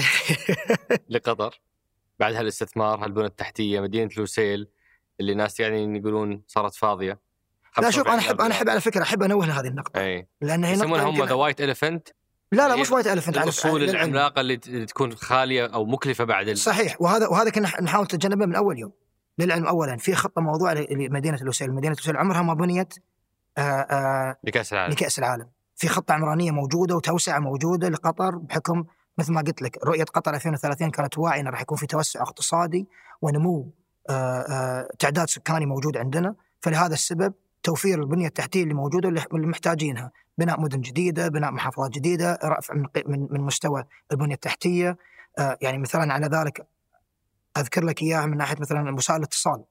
يعني يمكن أنت كنت موجود وجميع اللي موجودين. اللي موجود في الملعب كان قادر إنه يسوي فيديوهات ويبعثها صح. ويتواصل. هذا يعني للعلم ترى في مباريات كثيرة موجودة في أماكن كثيرة موجودة محافل كثيرة موجودة. يعني قريبه مش ان أقول لك والله على مر السنين وتطور التكنولوجيا لا قريبه نظام الاتصال في في الملاعب في بطولات كبيرة كان دائما يعني نقطة سلبية. أرجع أقول لك تعلمنا منها وهدف أصلا دولة قطر تكون يعني تنمية نظام الاتصال موجود عندنا على أعلى مستوى. هذا مف... هذا أحد المخرجات الموجودة عندنا اللي استفدنا منها. بس بجيك في موضوع آه عفوا يمكن آه ال- اي نبغى نقفل بموضوع؟ الاستفادة من الاستفاده الاستفادة من المرحلة القادمة. الاستفادة مط- بس أرجع لك على موضوع مثلا ان إن لوسيل فاضيه والأماكن كلها فاضية. بس انوه لك نقطة واحدة. اللي حضر بطولات سابقة وإحنا هذا يعني أقول لك من واقع تجربة وخبرة. 2010 2014 2018 كنا موجودين من أول يوم لآخر يوم. فحضرناها. حضرنا الاحتفالية الأولى حفل الافتتاح. جميع الجماهير موجودين متمركزين في مدينة معينة وبعدين ينتقلون أو اوريدي الجماهير موجوده في مدن مختلفة. المدن اللي تستضيف المجموعات أو مباريات المجموعات اولا لأن انت في في آه، يعني في عند الحدث في مركز الحدث تعيش أجواء الاحتفالية. لكن متى ما خرجت شوي من مركز الحدث ترى الأجواء تلاقيها شوي شوي شوي آه، تبهت الأصوات تخفت إلى أن ترجع إلى الحياة الطبيعية اللي موجودة بشكل مستمر. هذه نقطة أساسية. ففي في. يعني وأكثر الاحتفاليات تصير في دور المجموعات. لما يصير التقدم في البطولات كلها تلاقي فجأة الأجواء كلها يعني تكون موجودة بس إحنا نحس فيها لأن إحنا موجودين فيها من أول يوم. تحس الأجواء مش بنفس العنفوان اللي كان موجود فيها كانت موجودة فيها الأجواء في أول يوم أو فترة المجموعات. فتحس فيها تخف تخف تخف تخف إلى أن ينتهي تنتهي البطولة. لما تنتهي البطولة تجي اليوم الثاني في أي دولة من الدول المضيفة تجي اليوم الثاني اجواء الاحتفالية ترى تنتهي بشكل تلقائي بشكل طبيعي. والحياة تعود إلى حياتها الطبيعية بشكل جدا تلقائي. الفرق في قطر اولا إحنا قلناها بطولة موجودة احد مزاياها إنها في منطقة مقربة قريبة. الجمهور يقدر يشوف أكثر من مباراة في اليوم.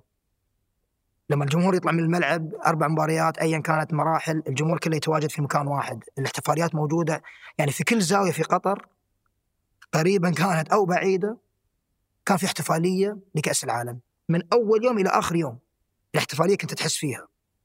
هذه الاحتفالية اللي في أي بطولة أخرى كانت تخفت مع الأيام. ف في انتهاء البطولة نفسها انتهاء الحدث نفسه اليوم الثاني عادت الحياة نوعا ما إلى طبيعتها. بس بح- بحكم إنه في 28 يوم كنت يعني 24 ساعة في احتفالية فالتناقض كان واضح والتناقض كان ملحوظ بالنسبة للكل. بينما هو ترى تدرج طبيعي وحياة طبيعي وخلينا نقول تواصل طبيعي لهذه لهذه لهذه الفعالية. بس أرجع أقول لك الآن إذا تكلمت على ارقام يعني أرقام مثلا من أيام الزوار أعتقد آه، هيئة السياحة الفترة الأخيرة أعلنت عن آه، عدد الزوار اللي جاءوا في الربع الأول من 2023 لحال مليون و400 ألف زائر. و آه، كل شهر من الربع هذا أعتقد الأرقام كانت أكثر من أربع سنين اللي كانت الماضية. فالسياحة انتعشت. أنا شخصيا قابلت أشخاص كثار يعني ألمان وتحضر تحضرني يعني مثلا ألمانية مع زوجها آه، قابلتها قعدنا نتكلم وكذا إيش اللي جابك على قطر وكذا؟ قالت لي أنا عندي أصحاب جو من ألمانيا آه، جو كأس العالم وكنت موجودة ومدينة صغيرة للعلم. يعني أعتقد قرية صغيرة أو مدينة صغيرة أنا ما أذكر بالضبط أي واحدة. آه، اسم المدينة. قالت يعني جو وكانوا موجودين في كأس العالم قالوا لا بتروحين مكان يعني مع زوجك لا لازم تجين على قطر يعني. ف انتعشت السياحه عندنا. البنية التحتية اللي موجودة مثل ما قلت لك هي تخليدا لرؤية 2030 فتطوير الرؤية اللي إحنا قاعد نتكلم عنها وتطوير المكتسبات اللي موجودة لكن المكتسبات إذا تشوفها على أرض الواقع نظام مواصلات على أعلى مستوى في العالم سواء كانت مواصلات عامة اللي أيضا تساهم في تقليل الزحام وأيضا تساهم في تقليل الانبعاثات الكربونية. طبعا نحتاج لا شك نحتاج إلى تعزيز الثقافة في استخدام الوسائل النقل العام. لأن بالنسبة لنا إحنا بشكل عام صحيح. الخليج يعني دائما السيارة موجودة. فلازم فاكيد تطوير الثقافة في استخدام النقل العام وفي من أشخاص كثار أعرفهم قطريين. يعني مثلا لما يروحون للعمل سواء اللي كانوا يعني بعض الأشخاص ساكنين من سكان مثلا مدينة الوكرة اللي يوقفون عند المحطة ويستعملون المترو على أساس يتفادون الزحام إلى آخره وكذا بس هاي الثقافة راح تبنى. كانت موجودة في 2019 كوفيد وقفتها والآن إن شاء الله راح نبني عليها في آه في المستقبل. آه نظام نقل عام من ناحية الباصات على أعلى مستوى من ناحية باصات عالية الجودة 3000 باص موجود في النقل العام 700 منها كهربائية. اللي جزء منها راح يكون أيضا مستخدم لنقل المدارس. فوسائل النقل العامه أيضا من ناحية الباصات موجودة متوفره أرجع أقول لك من ناحية تشغيلية أعلى مستوى وكجودة من ناحية الباصات نفسها مع مع المستوى. وسائل اتصال موجودة في البلد على اعلى مستوى. يعني أنت تتكلم اليوم على 5 G موجود تقريبا في معظم ضواحي البلد. يعني إذا كنت تتكلم على اوريدو أو فودافون.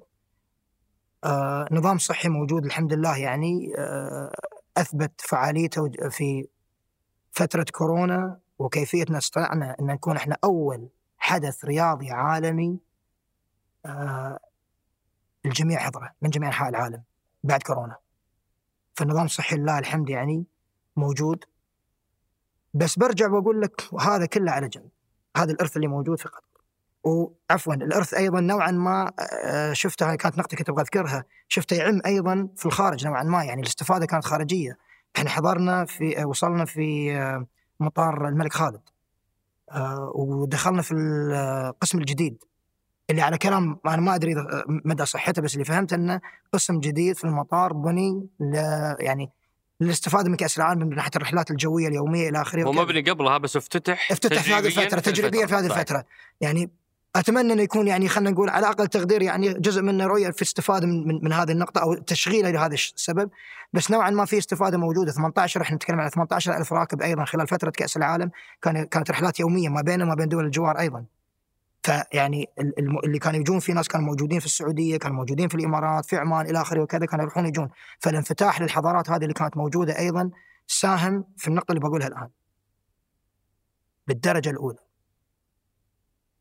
الشارع العربي الوطن العربي استطاع أن يثبت وجوده بالرغم من جميع المشككين اللي كانوا موجودين يثبت وجوده في قوته وقدرته على استضافة حدث عالمي منقطع النظير بطريقة مغايرة للنمطية. هذه نقطة أولى. النقطة الثانية استطاع أن يثبت أنه شعب آه، خلوق يرحب بالجميع. من ضمن شيمنا وعاداتنا وتقاليدنا العربية يرحب بالجميع وواثق أيضا بأن مهما تكون الاختلافات من بيننا إحنا نقدر نظهر بأحسن صورة ونفرض احترامنا على الكل. من دون ما يكون فرض الاحترام هذا آه، آه، آه، مؤذي. يعني يمكن الأحداث اللي تستحضرني دائما خروج الجمهور من ملعب الثمامة. ملعب الثمامة واقع في فريج في حارة. خروج الجمهور من عندهم وأهالي المنطقة اللي كنا كان في البداية كان الكل يعني أقول لك إياها شوف دائما تلاقي ناس يعني التذمر دائما يكون موجود قبل أي بطولة والتذمر دائما يكون موجود في أي فترة تحول. هذا طبيعة طبيعة آه، آه، خطط التحول دائما. دائما راح يكون في شخص مقابل شخص رافض التحول شخص يعني نوعا ما آه، مش يعني ريزيستنج التغيير اللي صاير. لكن أهالي المنطقة جميعهم بدون استثناء طلعوا رحبوا في اللي موجودين طالعين لأن كانت المباراة متأخرة. أعطوهم تمر أعطوهم ماء أعطوهم بيبسي أعطوهم مشروبات مش عارف إيش وكذا. ترحيبا فيهم هم خارجين. وهذه يعني من أحد المبادرات العفوية اللي أثرت بشكل كبير على الجمهور وعلى الحضور اللي جه. فلو أقول لك هي الشعب العربي بشكل عام كان موجود، الجمهور السعودي يعني كان ملح البطولة بدون يعني منقطع النظير. فوز السعودية على الأرجنتين. highlight في البطولة. شوف highlight مش بس فقط highlight نقل البطولة. أنا أقول لك إياها امانه نقل البطولة نقلة نوعية. نقلة نوعية كان فيها إثارة في الملعب ولكن كيف الجمهور قام يحتفل فيها في أي مكان في كل مكان وطريقة احتفال الجمهور السعودي اللي قلدوه على ضوءها يعني مج... قلت لك جماهير كثيرة واللي أعادت التركيز على القصص الكروية والعلم. يعني إحنا ما تكلمنا على القصص الكروية اللي صارت. في الملعب اللي إحنا وعدنا فيها في 2009 قصص كروية ما يعني أكثر أعداد الأهداف أكثر آه آه، إثارة في دوري المجموعات يعني نتكلم على آخر مجموعة بالذات حتى مثلا إذا تذكر مجموعة السعودية والمكسيك لآخر اللحظات كانت في ما كنت تعرف من اللي كان راح يتأهل. صحيح. ووجود منتخب عربي مغربي في النصف النهائي لأول مرة ومن المفارقات أو من القصص أيضا مدرب آه، المنتخب الإسباني لويس أنريكي ذكرها في المؤتمر الصحفي بعد الهزيمة. قال لك لما كان اللعيبة يروحون يلعبون يعني ياخذون ضربة الجزاء كان كانوا تحت ضغط كبير بسبب الحضور الجماهيري اللي كان موجود. الحضور الجماهيري يعني الخارج يقول لك المغاربة كانوا موجودين بس لا ما كان ما كان جمهور مغربي. كان جمهور عربي آزر منتخب المغرب. على جميع الأصعدة وجميع الألوان وجميع الأطياف وأيا كانوا كانوا يآزرون منتخب المغرب. الوجود العربي بشكل عام مثل ما قلت لك على جميع الأصعدة هذه استطاع أن يكون موجود ويثبت نفسه آه ونطلع بأب بأب يعني بأحسن صورة للخارج. اللي لله الحمد يعني أنا يمكن أوقات يعني آه، تخنقني عبر أوقات لما أكون موجود في الخارج وألقى مثلا مغتربين العرب. المهندس الدكتور الطبيب ايا كانت إلى آخره وكذا. اللي كانوا يقولون كل واحد منهم شاف نفسه وشاف إنه له في البطولة هذه مثل ما أي شخص موجود على أرض قطر له في البطولة. آه يعني شاف إنه قدر لفترة من الفترات إنه يدخل المكتب عنده أو مجال العمل وهو يقول لهم هذا إحنا ويأشر إليه. يمكن معلش استرسلت في النقطة هذه بس لأن أرجع أقول لك إذا نرجع مرة ثانية لو رأيتنا في الملف وحرصنا من أول يوم في الملف على إنها بطولة عربية شرق أوسطية تقام على أرض دوله قطر كنا حريصين على هذا الشيء على على نقطة تواجدنا كوطن عربي وشرق أوسطي إلى الخارج. يمكن نقطة بعدين بس معلش استرسلت كثير اسمح لي آخر نقطة وبختم نقفل في هذه. اللي صار أيضا صار شيء أنا ما كنت متوقعه. حضور الثقافات أو وجود الثقافات اللي يعني يمكن المصطلح الإنجليزي الجلوبال ساوث ما أعرف كيف الترجمة يعني يمكن أقرب ترجمة اللي هي الدول النامية مع أنها مش بالطريقة يعني مش دقيقة. لكن وجود المجتمعات هذه المجتمع الهندي من العامل إلى الملياردير. كانوا حاضرين البطولة وكل كل واحد استطاع إنه يعيش لحظات آه، مؤثرة سواء كانت كعائلة أو كأفراد.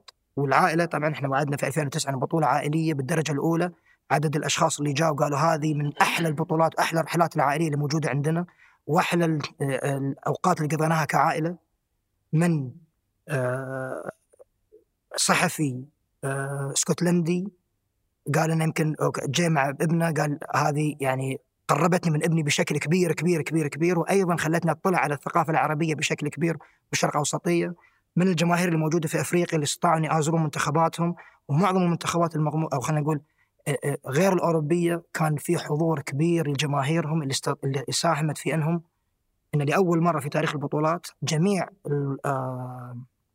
الاتحادات القارية لها وجود في أدوار متقدمة بطولة ساهمت في مبدأ الصورة النمطية أو الفكرة النمطية اللي موجودة أو الحدود اللي دائما ترسم لنا إحنا نحدد الحدود هذه. يا يعني نلتزم فيها يا يعني نقدر نكسر السلاسل اللي موجودة ونحاول قدر المستطاع أن نوصل يعني نطمح ونوصل آه ونحقق الأهداف. وإن ما حققنا الأهداف 100% للعلم إن حققنا 20% 30% فهو تقدم إلى الأمام. بلا شك. شكرا. واسمحوا لي على الاطاله شكرا أبو علي على قبول الدعوة وعلى توثيق هالقصة التاريخية. يطول بعمرك تسلم. الله يعطيك العافية. شكرا لك. ما. قصرت. شكرا. شكرا لكم. شكر خاص لصديقي القطري العزيز صالح الخليفي على آه، ترتيب وتسهيل هذه الحلقة. شكرا لفهد القصير في إعداد وإنتاج الحلقة. ياسر الغانم في إدارة التصوير. مسؤول إضاءة غالب جانودي. ياسر كدشة مساعد إضاءة. وفي تصوير الكواليس عبد الرحمن عبود. وفي تسجيل الصوت عبد العزيز المزي. وفي الإخراج الفني مجد القرشي. وفي التحرير أنس الخليل. وفي الهندسة الصوتية محمد الحسن وفي الإشراف على الإنتاج غيداء التميمي وأصيل بافرط. هذا بودكاست سقراط أحد منتجات شركة ثمانية للنشر والتوزيع.